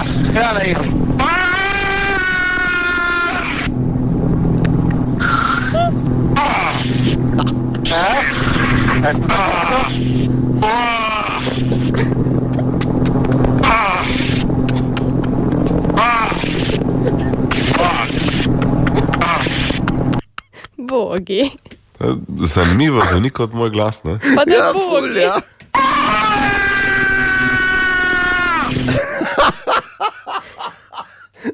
Me se pa smili. Je pa, res, je pa res, da sem ga zadnjič slišal, ko je šefove pisarne šel. Pa zadnjič je en fantek na slovenski, ko ga je videl, rekel: okay, To gre lahko v nedogled. Ne? Web, web, web, web check. Torej, o čem se piše, kaj se posta in vse to. Katja. Recimo, trenutno en izmed najbolj gledanih božičnih oglasov je zagotovo oglas podjetja Post, ki a, v bistvu prikazuje božička, kako se zaljubi. Zaljubi pa se v moškega. Poštara, in ne? s tem oglas. Kaj? Ja, Pardon. s tem oglas. Ne. Torej, zaljubi se v moškega. Ja. S tem oglasom pa so na Norveškem želeli upozoriti v bistvu na 50. obletnico diskriminacije homoseksualnosti. Kar je seveda super in edino normalno, se mi zdi, ker v nobeni zgodbi o božičku, ponavljam, o božičku, ne o detku mrazu, o božičku ni noter nobene dame, so pa palčki in jelenčki. Torej, Sveda je zgodba o Božičku, če je O. gospa Santa Claus. Okay. ja, kje, to si zdaj na, na, na vsakem hitro, filmu. to si ne rabiš, ne rabiš se zakrivati, pusti, naj bo zgodba kot je. Katja, Samo upozorilo, danes američani praznujejo dan zahvalnosti. tako, ker je njihov Potem največji recimo- praznik in uh, seveda ta dan, ki ga v letu, oziroma dogajanje okoli tega praznika najbolj sovražijo porani od Ja, nekdaj. bogi. Če ja. ne veš, kako zelo si ogled risan kot trki ran. Ja. Okay. Potem recimo najbolj priljubljena torbica tega leta je torbica Dior Saddle, torej torbica v obliki sedla. Tako, tako. Gre pa, oziroma je pa torbica stara že 21 let v bistvu, ampak no pač letos je komaj postala No, tako zelo, zelo modna. Pa veš zakaj? Zato, ker je sedlo ne? in da te na metla tako vri žuli. Okay. Pa Smith, Will Smith je izdal svojo avtobiografijo Will, v kateri med drugim opisuje, kako je v mladih letih želel preboleti konec eh, neke zveze. V bistvu je to storil tako, oziroma želel ga je preboleti na način, da je spal z čim večjimi ženskami. Zaradi tega je fasal psihosomatsko reakcijo. Vedno, ko je prišel do vrhunca, mu je postalo slabo, večkrat je tudi bruhal. Oziroma, kot so temu znali reči, tudi dvojni izliv. Ne? Web check. V šlajerju, ker šlajer se ima v. Uh, Pa, glej, zdaj pa ne bo nehal danes s tem. Ja, samo pač danes, povem. danes to leto, ne? V šlajerju lahko Eh. vidim. 19 minut pred sedmo, dobro Joj, jutro. Dobro jutro. Danes je 25. november. Dobro jutro. Dobro jutro. Dobro jutro. A, 25. november je tudi mednarodni dan boja proti nasilju nad ženskami, in eh, se mi zdi pomembno to še posebej eh, izpostaviti, kajti kakršna koli oblika nasilja je jasno, da nesprejemljiva. Nasilje nad čipkejšimi pa je. Uh, skratka, grozno, kaj ti seveda se je pomembno zavedati stvari, ki jih lahko naredimo, ampak še pomembneje je treba vedeti, kaj pa je prava stvar. Eh, Ki jo moramo narediti. In kakršno koli nasilje torej, je absolutno nekaj, kar eh, ne vodi v nobeno od rešitev, sploh pa ne eh, nasilje nad ženskami, ki je obsojanja vredno. In se mi zdi, da edina slabša stvar na svetu tega je nasilje nad otroci. Tako da, prosim, razmislimo o vsem skupaj, dajmo se zavedati teh stvari. In vsak, ki se mu to zdi nekaj posebno normalnega, pa je pač v moji knjigi kandidat za to, da se mu slon na obraz vsede. Tako, december je praktično tukaj, že jutri je črni petek in uh, seveda zelo, zelo obremenjeno, narek- pod narekovaj obremenjeno bo seveda tudi internetno nakupo- nakupovanje in hkrati seveda naša izpostavljenost razno raznim prevaram. In tako imamo danes zjutraj tukaj še en primer, recimo iz katerega se lahko kaj naučimo, oziroma da bomo izvemo kaj, da bomo varnejši. David, dobro jutro. Dobro jutro. Jutro. Ja, veliko krat dobivamo ta e-sporočila z različnimi primeri. En od teh primerov pa je, da ti napišejo, vdrli smo v tvoj računalnik in se dokopali do vseh slik, podatkov, gesel in tako naprej. Torej, če ne želiš, da jih objavimo nekje na medmrežju, nam takoj plača neko določeno vsoto denarja. Zdaj, razumeti moramo, da to delajo na tak način, da pošljajo ta enak mail vsem, oziroma ne vem, eh, na pamet govorim 100 tisoč ljudem in potem jim nek določen odstotek in to majhen odstotek dejansko nakaže ta denar in seveda tukaj imajo že profit. Matjaš Jakin, vodja pravne pisarne pri Zvezi potrošnikov Slovenije, razlaga. Take maile najbolj zbrisati ali pa jih sploh ne odpirati. V bistvu. Če ne vemo, če ne poznamo pošiljatelja, da je nek naslov, ki ga ne poznamo, um, pa vemo, da nimamo s tako osebo nič, oziroma da nismo nič ne vem, naročili, nikamor se prijavili, potem sploh ni smiselno odpirati, brati teh mailov, sploh pa ne klikati na nobene povezave v njih. Če bi pa res potrošniki ne bili prepričani, um, se lahko obrnejo recimo na varni na internetu, spletna stran, s katero upravlja SICERT, um, nacionalni uh, odzivni center za kibernetsko varnost, ne, in mogoče pri njih preverijo, a gre za neko klasično prevaro, ki je, um, ki je pač pogosta, ne, ali gre pa mogoče za kaj um, resničnega. Ampak se pravi, v takih primerih gre praktično vedno za, za neko prevaro, na katero pa se žal določeno procent ljudi očitno ujame. Torej, najprej preverimo pri stroki, nikakor pa ne pošiljamo ničesar takrat takoj v efektu. Ja, in večkrat se je recimo komu zgodilo tudi že, da je dobil kak mail, da so uh, izvedeli njegovo ali njeno geslo in tako dalje. Ja, to je podobno. Ja. In tudi ti primeri so žal dokaj pogosti. Dr. Marko Hrbel iz Univerze v Mariboru oziroma iz Fakultete za elektrotehniko, računalništvo in informatiko razlaga. Dobite sporočilo, da ima vaše geslo, ki so ga verjetno dejansko dobili nekje na spletu, ko zaradi nekega uhajanja podatkov.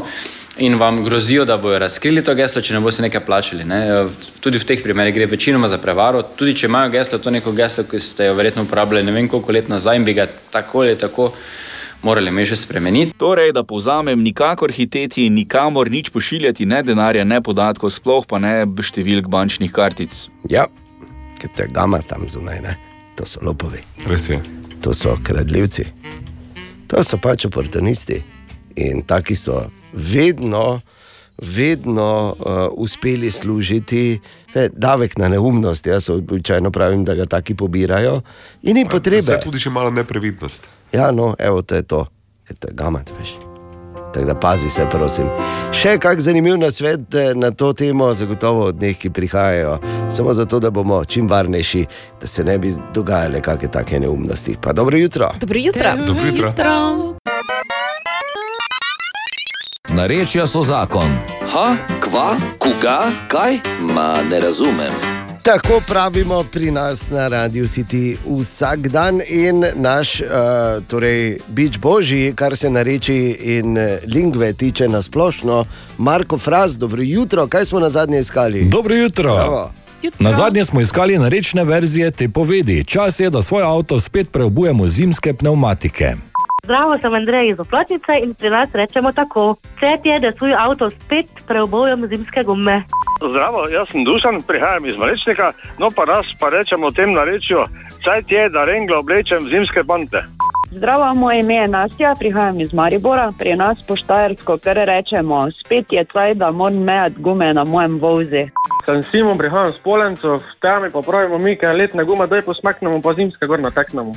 In še nekaj povedi z Facebooka, moram gume tavšati, cajt je, da na mojem avtu spet zimske gume mejam, cajt je, da renglo oblečem v zimske mantle, je že cajt, da digavč mejam kavle za zimo. V tem tednu pa iščemo narečne izraze za besedo gnojnica. Kaj pravite vi trije? Polojnka, pišpek in podjaz. Šisa, šisa, šisa.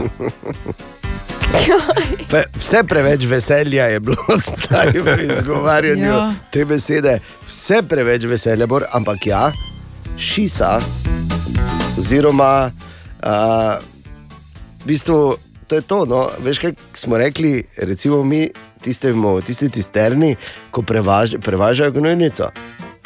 Šisla, Šisar? ne, šisla je ta. Kar se zna uporabiti tudi za uh, marsikoga, bi lahko rekli, oziroma da, ozna, kot kvalifikator eh, nekih dejanj. Ampak, kar me seveda zanima, je, Marko, kaj si nam to rekel? Polojnka je polovica, pišpek je škof, podjaz pa je pas, del trupa. Polojnka je polovica. Ne, tako da, če ti kdo reče, da si polojnkar, ni pohvala. Ni vredno, ne. Niti približno tri minute pred pol osmo nareče so zakon, vsak dan na radiju si ti frasi medvar šel po drugi. Ha, koga? Ma ne razumem. Narečja so zakon. Aha, aha, aha, aha, aha, aha, aha efekt. Bor torej odgovarja na zanimivo vprašanje Matjaža danes, ki sprašuje, ali obstaja nudistična moda. Bor. In ker težko Matjažu videti dobro jutro v glavo, moramo pač eh, špekulirati, o čem on razmišlja. Kar se nudistične mode tiče, ja, moda za- zahteva vse neke tkanine, tega tam, kjer tkanine ni, kaj lahko prirežemo, pristrižemo in oblikujemo. Tako. Ja. Tako. Prebodemo, pre, prebodemo tudi, Bor. Tudi, Ne? tudi, tudi. Piercingi. Ampak um, mimo te razlage vam še ena bolj zanimiva. Plan B je namreč, da obstaja majhna možnost, da je Matej ženskega spola in se boji, kakšne bodo trendi to pomlad. E, Žeblica na glavico, naked dress oziroma gola obleka, temu pravijo v modnem svetu. In to je obleka, ki je zelo prosojna, tako da se telo vidi pod obleko. To pa je se vrača zdaj na velika vrata, na modne piste pomlad 22. Dejansko. Dejansko. Vse se vidi. Lepo. Ali tudi vi pogosto totavate v temi? Aha efekt, da boste vedeli več. Še enkrat dobro jutro vsem. Dobro jutro. Dobro Dobro jutro. In še vedno listamo malo med zanimivimi naslovi. In pazi to, National Geographic je izbral, oziroma pri National Geographicu so izbrali 25 eh, destinacij, ki so mastci v letu 2022. In ne glede na vse trud v zadnjih letih, in ne glede na vse, eh, kar nas želijo prepričati, glavni trg ni med njimi. Še enkrat dobro jutro. Dobro jutro. Dobro jutro. Ej, Marsikomu bi se zdelo čudno, da, da damo, recimo, ko je tako vreme zunaj, en kupon za vipranje v avtomatski avtopravnici Krist na Limbuški 79, ampak eh, razmisli drugače, fajn je zdaj dobiti, ker najbolj vsrani avti so po dežju. Sploh zdaj, ko je recimo november eh, in ko recimo vem, Katja dela na zemlji s traktorjem, ne, če se tam vozi, še pol imaš avto Ja. stran, ko vozijo v Točno novi to, ja. vasi vrtičkari s šajtergami gnoj na, na vrt. Ne? Ja. Ti veš, kako se to naredi? Ha! Edino tu v središču mesta so Bor in njegova ekipa, noter je rajši. Ne? Ampak vseeno, ne? se po središču mesta se tudi ne smeš voziti, tako da nima veze.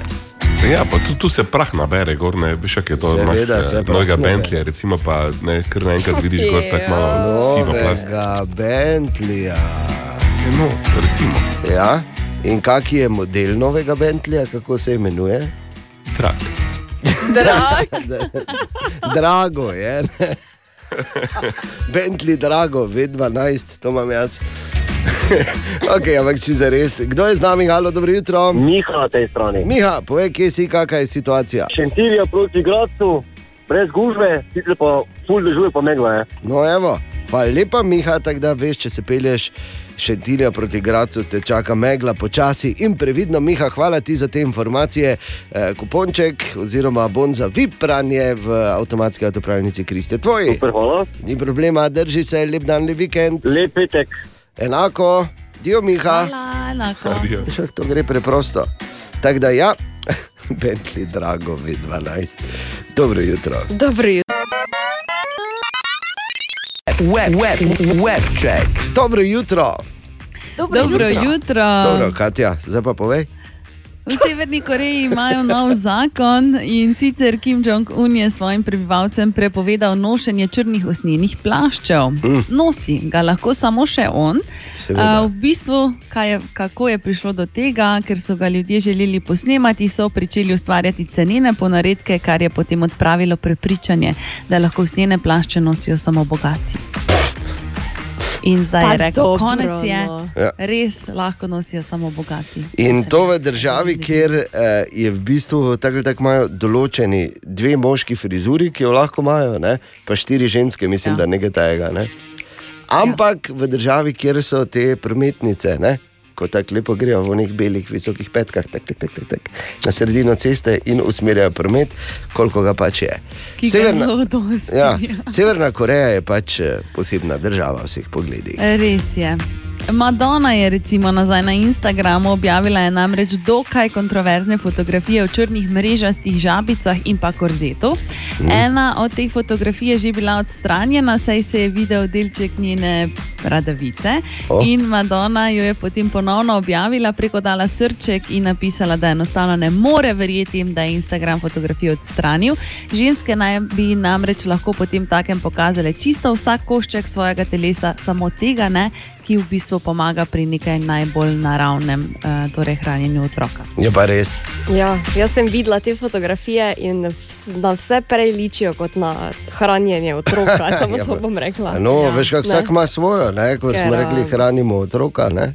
Ima kar erotična oblačila na sebi. Glej, tako bom rekel, ona je pač posebna in jaz ne vem, zakaj se zaradi te, zdaj ne na robe razumeti, ampak vseeno, ne, starejše dame, da ne bom rekel stare babe, ne, toliko kregajo, pa se kirajo, naj dela, kaj hoče.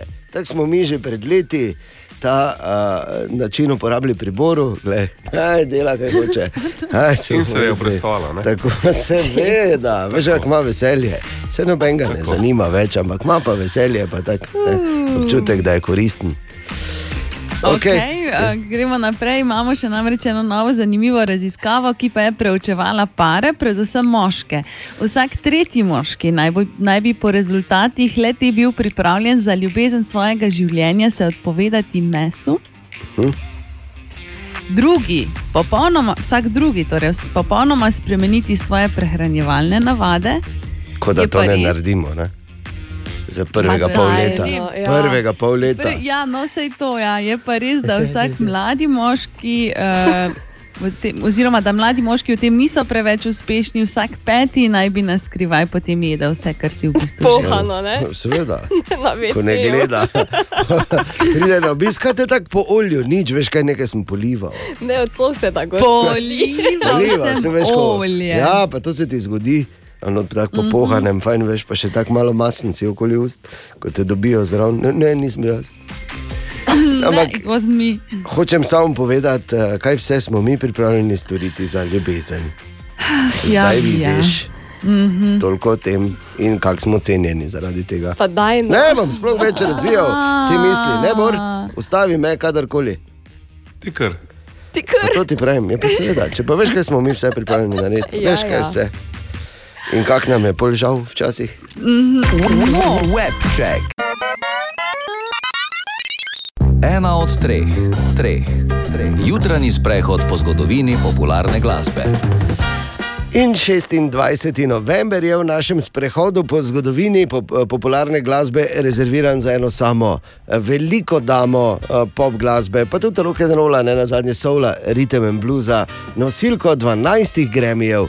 Ki danes praznuje 82. rojstni dan. Če nekaj let sicer ne nastopa več, živi v Švici, eh, relativno blizu nam. In eh, v bistvu, če bi jo dan danes videli, bi jo tudi težko prepoznali, glede na slike, ki jih imamo v, v glavi iz eh, vrhunca njene kariere. Tina Turner je A. danes stara 82, Tina Turner, ki, je, ki ima res za sabo filmsko, tako filmsko življenjsko pot, da so tudi dejansko posneli film po njenem življenju. Naslov je What's Love Got to Do with It.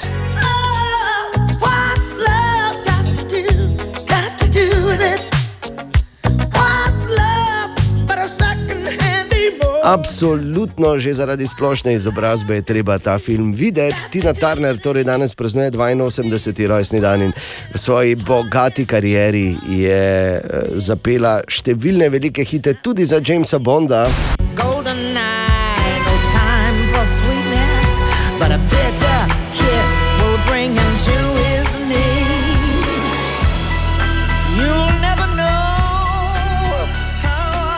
Je tudi uh, lastnica hita z najbolj znanim ta, ta, ta.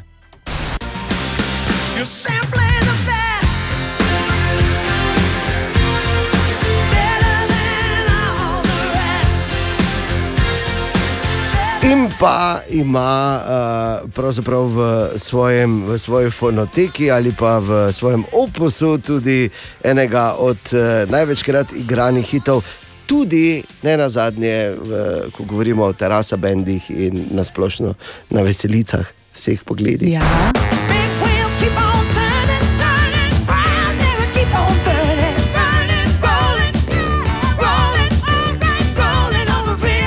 To je seveda Proud Mary skupaj z njenim uh, bivšim možem Aikom Turnerjem. To je pač en del glasbene zgodovine, tako se je, dragi otroci, rojevala popularna glasba. Ob 82. rojstnem dnevu Tine. Želimo dobro jutro. Dobro jutro. Dobro jutro. Petek 26. november, ta vikend prinaša tudi že prvo adventno nedeljo. In eh, ne vem, če se zavedaš tega preprostega dejstva, da je treba imeti na mizi, da je treba ne vžgati vse skupaj, bor, Ja. samo toliko. Še enkrat več, vsako leto znova, odkar se je enkrat zgodilo. Ti prižgi, pol pa samo krepihni. Tako. Ne, samo toliko, da se vidi, da je, Simbolično. da je gorelo. Veš? Saj obstajajo one, veš, ko utripajo na baterije. Tisti, Dobro se mi je naučil. Bor, zabava, ne? da se mi smo zdaj bolj na onem, veš, ko odpiramo okenca. Adventni Ja, to je šele problem, to je šele bo pr- Če to to bo- se s prvim začne. To bo še Mami, večji. mami, a ti je, ni, a ti nič. To bo še večji problem, pa veš zakaj? Zato, ker Ati vse poje, koliko mi Atija poznamo. Ne? No, in na adventnih venčkih, seveda tudi v nadaljevanju, najprej skoraj nemogoče vprašanje. Tako da, dobro jutro še enkrat in dobrodošli. Skoraj nemogoče vprašanje. Vsak petek, ko rečemo, da je vprašanje verjetno spektakularnejše od odgovora, ali pač tudi tokrat v statistiki korenini narejeni v Evropski uniji, oh, kako poetično se izražam.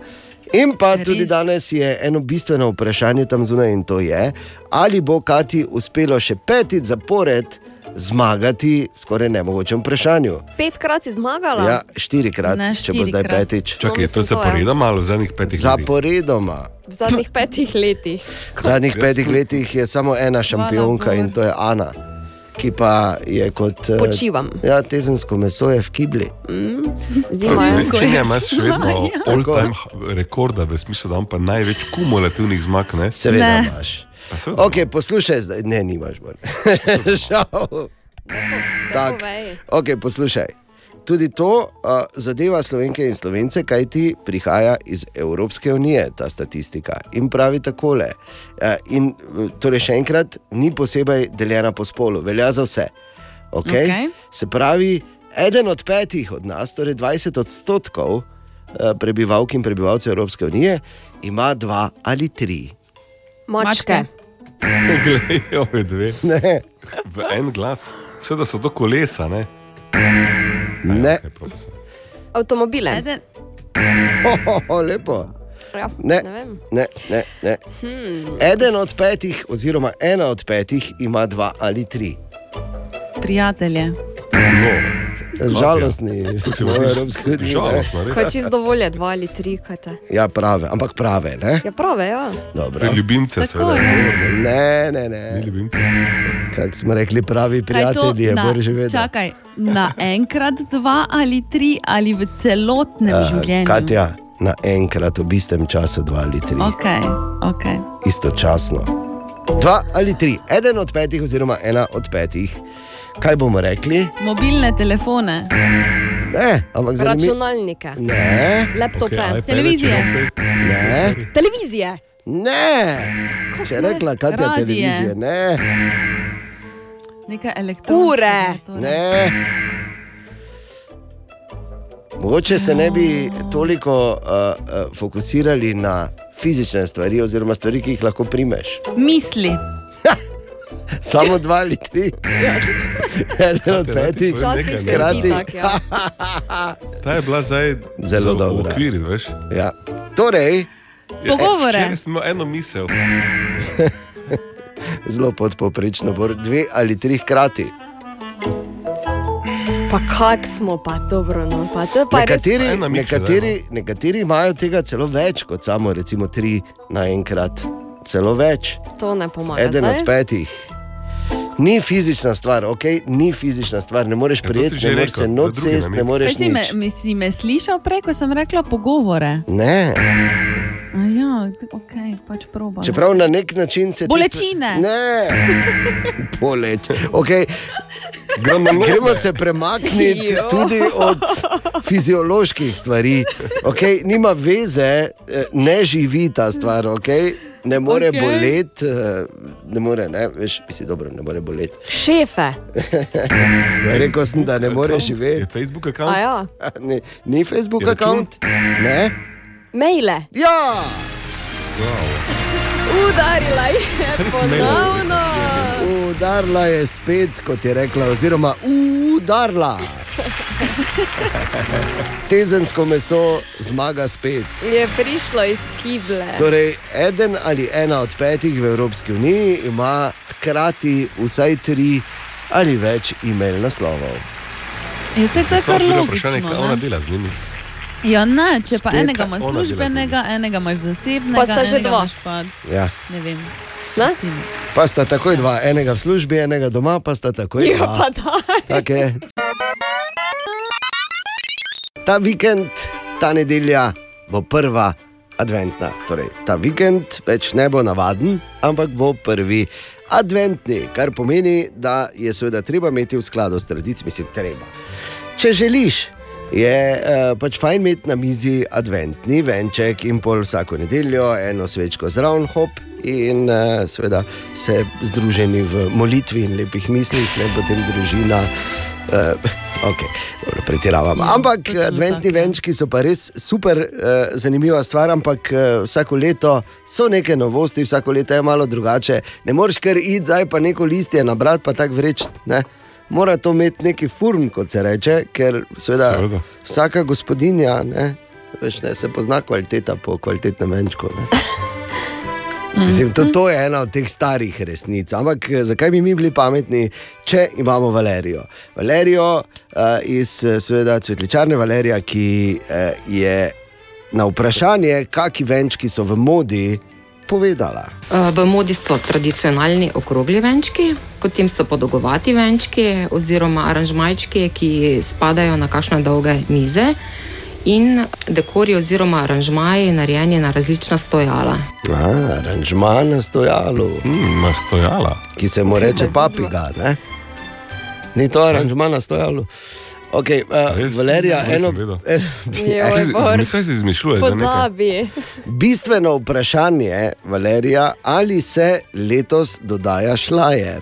Ja, se dodaja, dodaja se že kar mnogo let šlajer. Uh, sicer je letos postal bolj aktualen, ker se dobi v različnih barvah. V tem času se uporablja bolj v zlatih, srebrnih, bronstonih, z posipom raznih bleščic, da je sijoč izgled. Vidiš? Ana, imela si prav. Vidiš. V bronz šlajer lahko date, ne? pa ja. Ne morete zgrešiti. In pa, uh, Valerija, če uh, te že imamo na liniji, vprašanje, uh, če imaš morda kak nasvet ali pa kaj o trendih, ko govorimo o tudi praznični uh, okrasitvi domov, torej da bo tudi doma res lepo izgledalo uh, in da bo tisti topel božični občutek. Za začetek so adventni venčki. Potem se pa v decembru stopnjuje. Lepi so kakšni šopki, trajni šopki, uporablja se ilex, različno obarvano zelenje, eh, evkaliptusi, skratka praznično, da drži vsaj 14 dni do 3 tedne.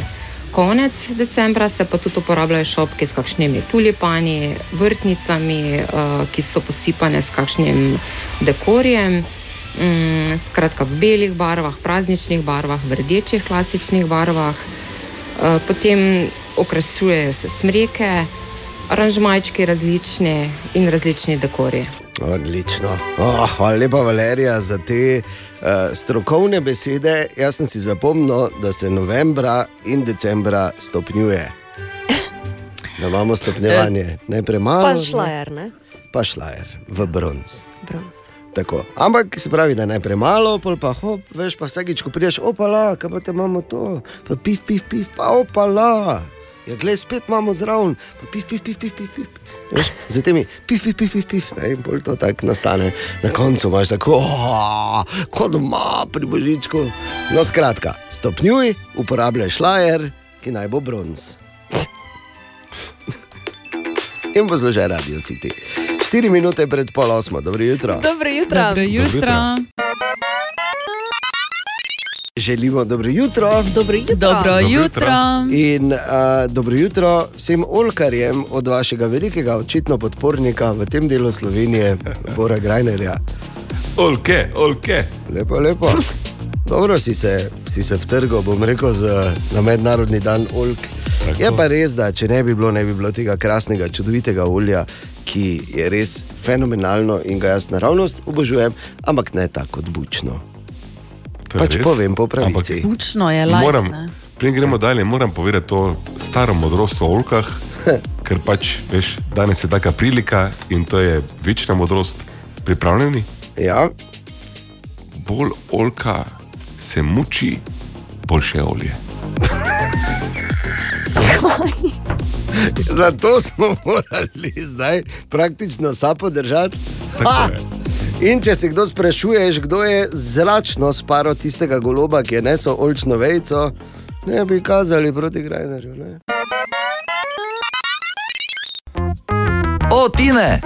Dobro jutro, Tine. Dobro jutro. Dobro jutro. Prosim, ne reči. Dobro jutro, Martinček. Martinček, Okay, to vse prej kot- Prosim, ne reči, da si danes z biciklom. Ne, okay. priznam. Se Nisem. pravi, to je bilo res grdo.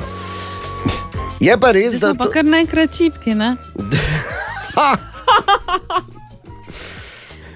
Nekaj mi šumi, Ja, tudi jaz ne vem, kaj je to.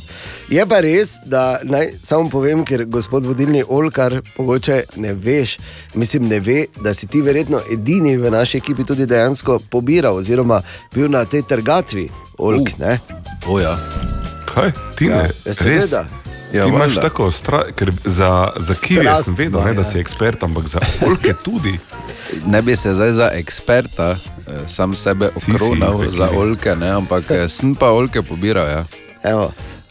Lepo. Olive si pobiral, v Ne, bistvu, pardon, ne? olive. Ja. Eh, Ni, ni zdaj to tako, ker kot da bi šel s prstom, si not je kar. eh, Zahtevno, ne? Zahtevno. Dvakrat sem se zvejo v oko piknil. Oh. Naprimer. Torej, kot To je zdaj olkar šibek, veš, Katja. Da, tako. Ampak kot stari olkar lahko potrdiš, ne, Tine, da bolje se olka muči, kvalitetnejše olje. Dobre, da ne. Ne, zdaj po sebi. To smo bili, veš, kaj smo bili enkrat bolj tam. se bolj bor muči. Boljše so novice, ne drži. Ne, ampak to smo enkrat bili, veš, v, v Istri, na, v enem, veš, te pa, ko tam pridelujejo olčno olje in tam ti In Boga. enkrat en nekaj rekel, Tam pač, ti ne, in Boga in očeta ne prodajo, samo da bi ti prodali. Ne. In valjda, ja, komu so prodali. Ne? Seveda. In jaz to prav spremljal, sem to debato, ko je tam ona razlagala, ja, da najboljše očno olje je tu, ker tu ni prava klima in ona se mora ful mučiti in zato velja naše eh, istrsko očno olje za najboljše in to jim bolje tako zraven, tako gotav je, veš. Znanje. Pol pa greš 100 km dol, pa reče oni, tu pa je, tu pa je najboljše, tu pa je najboljše naše olje. Ne? Druge se imajo dobro, samo tu pa je. Pol pa pa greš je. še 100 km dol, ta pa je tako najboljše. Tam pa, tak, tam pa zemlja, veš kaka, zlato v bistvu. ne. Tako da ja. Ne, ampak eh, je pa čisto tak iz eh, kmetijskega uh, vidika, ne, pa je Bor to, kar ti praviš, absolutno res. No, evo. Samo si videl, nekako prej si se norca delal, kako novica, dolgo je naredil, pa le zdaj se pa menimo že 10 minut se v olkah. Se menimo. gre, Ja. tam na olke, nimaš kaj. Nimaš kaj. Nimaš kaj, to je to. Friški kruh pa malo not to. Čeprav še veš, kaj še boljše, friški kruh, Joj, pa da dejan. pa frišno bučno. Mm. Ne, Pisujem, ja, ja, tu, tu. Bor. Okay. Bučno je boljše na kose govedine pa čebule. A tudi, ja, o, esi flash. Tine, kaj imaš danes pripravljeno? Lačna sem. Na kratko, hitro, uh, najdaljši napad kavcanja. Kak kak povej, dolg kako dolgo te je. Ti si absolutni Ja, zmagovalec. ampak samo v jutranji ekipi, drugače pa 10 mesecev, nekaj tega. Ne? Pa Par let. Ja, ne vem, kaj pravite. Deset Tri mesecev. leta pa pol. Tri leta pa pol. Ja. No? 68 let. 68 let. Kaj? Ta je imel predstavljene organe. No, te... Jaz eh, sumim, da so po njem risanko naredili. Se spomniš? Ja, Kovca mož, kovca mož. ko je salto Zakaj se naredil. ti kovca? Kovca mož. Zakaj se ti kovca? Aha, aha, aha, aha, aha, aha, aha efekt. In Bor danes odgovarja na vprašanje Klemna, ki ga zanima, kako sramne dlake in kocine vedo, kdaj nehati rasti, lasje in brada pa ne.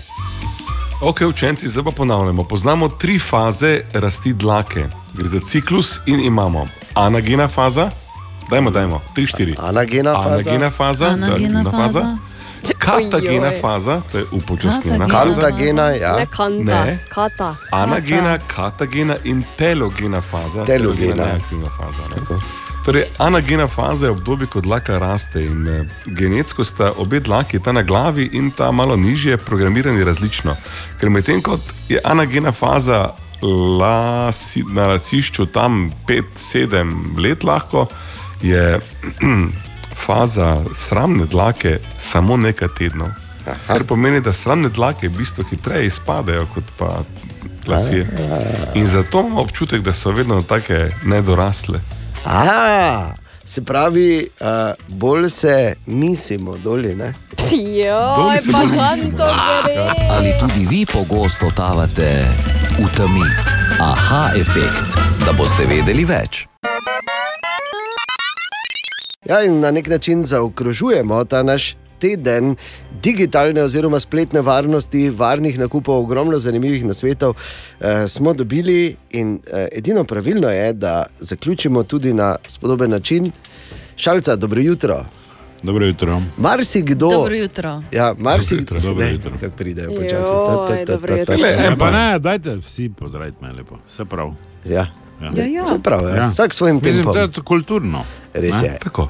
In marsikdo bi rekel zelo kulturno ali pa lepo tudi od tebe, da na Facebooku deliš Jurija. Ja, mislim, eh, zadeva je. Um, ni fajn, ne, mislim, Ne, res je tako. ne. eh, Ni prvič, ne, eh, to pač eh, se pojavlja eh, tistim, ki pač eh, imajo malo več, eh, bom rekel, sledilcev, itd., itd. na teh omrežjih. Um, mislim, da je meni že tretjič, ne, zdaj, uh, vedno bolj uh, prebrisana je ta zlobna koda, kdo pač zadaj stoji. Ne. Jaz verjamem, da ni Mirko iz Kungo, te si to zmislil, ampak pač to sega, um, ker te objave tudi. Uh, Ko sem dobil te print skrine, ko si pač pišejo z njim. Ne? Ja. Ker Jurija danes, gledaj, v tem cajtu, mislim, ni slabo. Ne? Ni pes, pač ljudje napišejo, no in pol vim, ko nazaj piše, je ni za ono domača beseda, ampak je neki boljši prevajalnik. Ne? Je pa zanimivo to, ne? prebrisanost.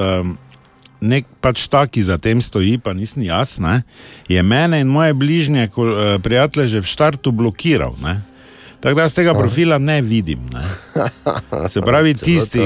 Ki, katere jaz označujem, ono, ki so pač v nekih objavah bolj pogosto, ne, tisti tudi tega ne vidijo. Je, tako, da jaz, če vpišem ne, ta duplikat, ne, bom rekel, tega uh, pokvarjenega brata, ne, dvojčka, ker smo namreč Zlobni ista, dvojček, ne. Zlobni Zlobni dvojček. dvojček. Zlobni dvojček si skopira zadnjih šest objav, ne, tako da ne raje iti pred zgodovino, ne jih lepo namesti. Eh, zadnjih 20 slik ne, in vse ostalo. In, um, Pač naredi profil, Matjaš Šalamun šalca, s tem, da je med Šalamun pa šalca pomišljaj, ne, ker istega isto ne moreš narediti. Uh, jaz pač tega ne vidim, jaz sva, vse opozarjam, uh, da naj ne nasedajo, ker ti moš kar nekih podatkov tu vpisovati, da on pride do nekega denara, ne? danes itak moraš biti eh, pri tej stvari previden. Ne? Ampak jaz verjamem, ljudje malo zanese, ne? valjda me ne všalca nasravno, pa še Jurje, da veš, eni, eni pač grejo v to. ne. Uh, stvar, ki pa me najbolj moti, pa je ta, da pač vsakemu, ki mu piše, odgovorim, ja, da je to fake profil, da naj prosim prijavi in blokira. Ne? In tako jaz mislim, da je zdaj v tem aktualnem uh, fake profilu mojega brata bilo sigurno 500 prijav. Ne? In ljudje mi pišejo, da dobijo nazaj, da mi je Facebook eh, odgovoril, da so oni raziskali, samo ni nič narobe. Zdaj, mislim, jaz zdaj nimam številke tam od njih vrhovnih, pa to ne samo, če bi bil sedež v Ljubljani ali pa vsaj v Zagrebu, verjamem, da bi obrnil telefon, ne, pa jim šel malo po familiji, dol do prababice, ne, v par stavkih. Ker mi ni jasno, človek, hod, človek deli denar, ki ga ni, skopirajo mene, se pravi slike poste, njim pa se nič ne zdi sporno. Ne. Zdaj ne vem, ali tam ti kar mašina to odgovori, ne, da, Po oni vsej pač, verjetnosti, ja. da oni pač nima, da je preverila, pa da ni nič, samo veš, pol, pol še toliko bolj ceniš, ko goriš v trgovino, ne pa trgovko vprašaš, čuj, kaj je. One flaše pa ni več, bom jaz skladišča prenesla. Ne? Še toliko bolj ceniš ta človeški. Ne? Pa mogoče tudi na nek način uh, spoštuješ včerajšnji Borov glas, ne? čeprav uh, ko je bral novice ob 8, sem jaz bil v avtu, sem rekel, fuck, si ti nor. Pogrebno podjetje je nula. Nula nula to. ja. Taki glas in bolj so mi ljudje tudi pisali, da naj gre domov, pa to ne. Pa sem jaz pač razveselil s podatkom, da Bor že tri leta doma. ne. Da Pač, in da pač ima taki glas od doma. Ne. Ampak je tudi dobro takega Bora čut, um, ko vidiš pol s kom imaš opravka, pa kdo ti odgovarja, ne, tvojih, da se v bistvu meniš z mašinami, z avtomati. Da, ne, jaz se bo zdaj čakam samo na seveda pametno besedo. Uh, Bora Grajnera, kot Evo, poznavalca veš, kaj sem razmišljal? in- Ne, ja. ne, najlažja rešitev, ja, najlažja rešitev za vse je, da ti sledijo temu pravemu pro profilu. Ker ti ne moreš biti prijatelj z vsemi, imaš posebni profil, uh, kliknite follow. Šalca, Matjaš Šalamun, in potem, ko bo svoj drugi oglasov, boste videli tako razliko med dvema profiloma. Ja, vse to zdaj tudi me sledijo. Ne? Zdaj hočeš pač razlagaš da vsem, da uh, je to opcija, ki ne vejo, ne, follow. Ja. No. Razumem. Ampak zdaj ljudje več ali no, manj vsi, ti ne, vsi te ne sledijo. Ne, vsi verjetno. ne, sigurno No, mi vidiš. vsi ne sledijo. Mislim. Za vse triki še ne. ne. Mislim, Absolutno pa mi več sledi kot tebi, ne? zdaj če si že na tako, To je na res, taki nivo vas- prišel, Če- kao ne, se jaz dela asa, ker vsi ti ne sledijo, pa to zdaj si že tu, ne. Na- Naj pa samo povem, da sem raziskal šalca in tvoj zlobni brat Dvojček je v ja. soboto na zadnje Kati pisal. Res? Ja. Kati piše? Ja, Ja, ja. pisal mi je, ja. Katja- Hotel mi je dati Jurja. Katja, a, samo to. Ja, samo Te pa reči, naj ti tam na pumpo prenese. Pa bomo- Pa bomo mi not čakali, žrtvuj se malo. Nastavimo mu pas. Ja, nastavimo mu pas.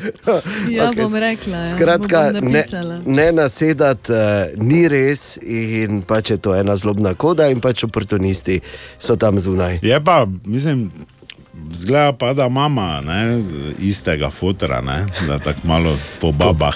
Gre bolj. Tu pa je naš priljubljen jutranji segment iz Borove špajze, Bor. Dobrodošli, kar naprej, pridite, pridite noter, ne se bat, navadni prehlad je. Ne, če ste opazili, ampak eni 30 prehlad prebolevam že ta mesec. Ja, smo ne zavrkavam ja. se. Zato mi držimo razdaljo. ja.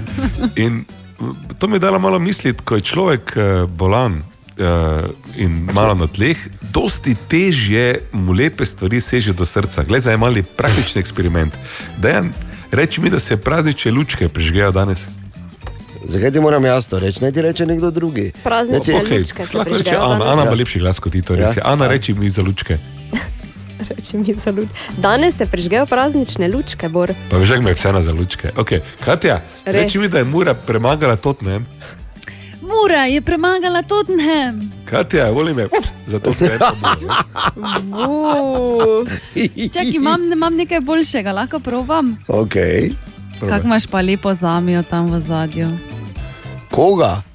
Zamijo. Zajmijo. Zamijo, rožo. Pa, pa daj nehaj, oroha, pa zdaj smo pa še tu. Dobra, mali in stari. Podcast jutranje ekipe.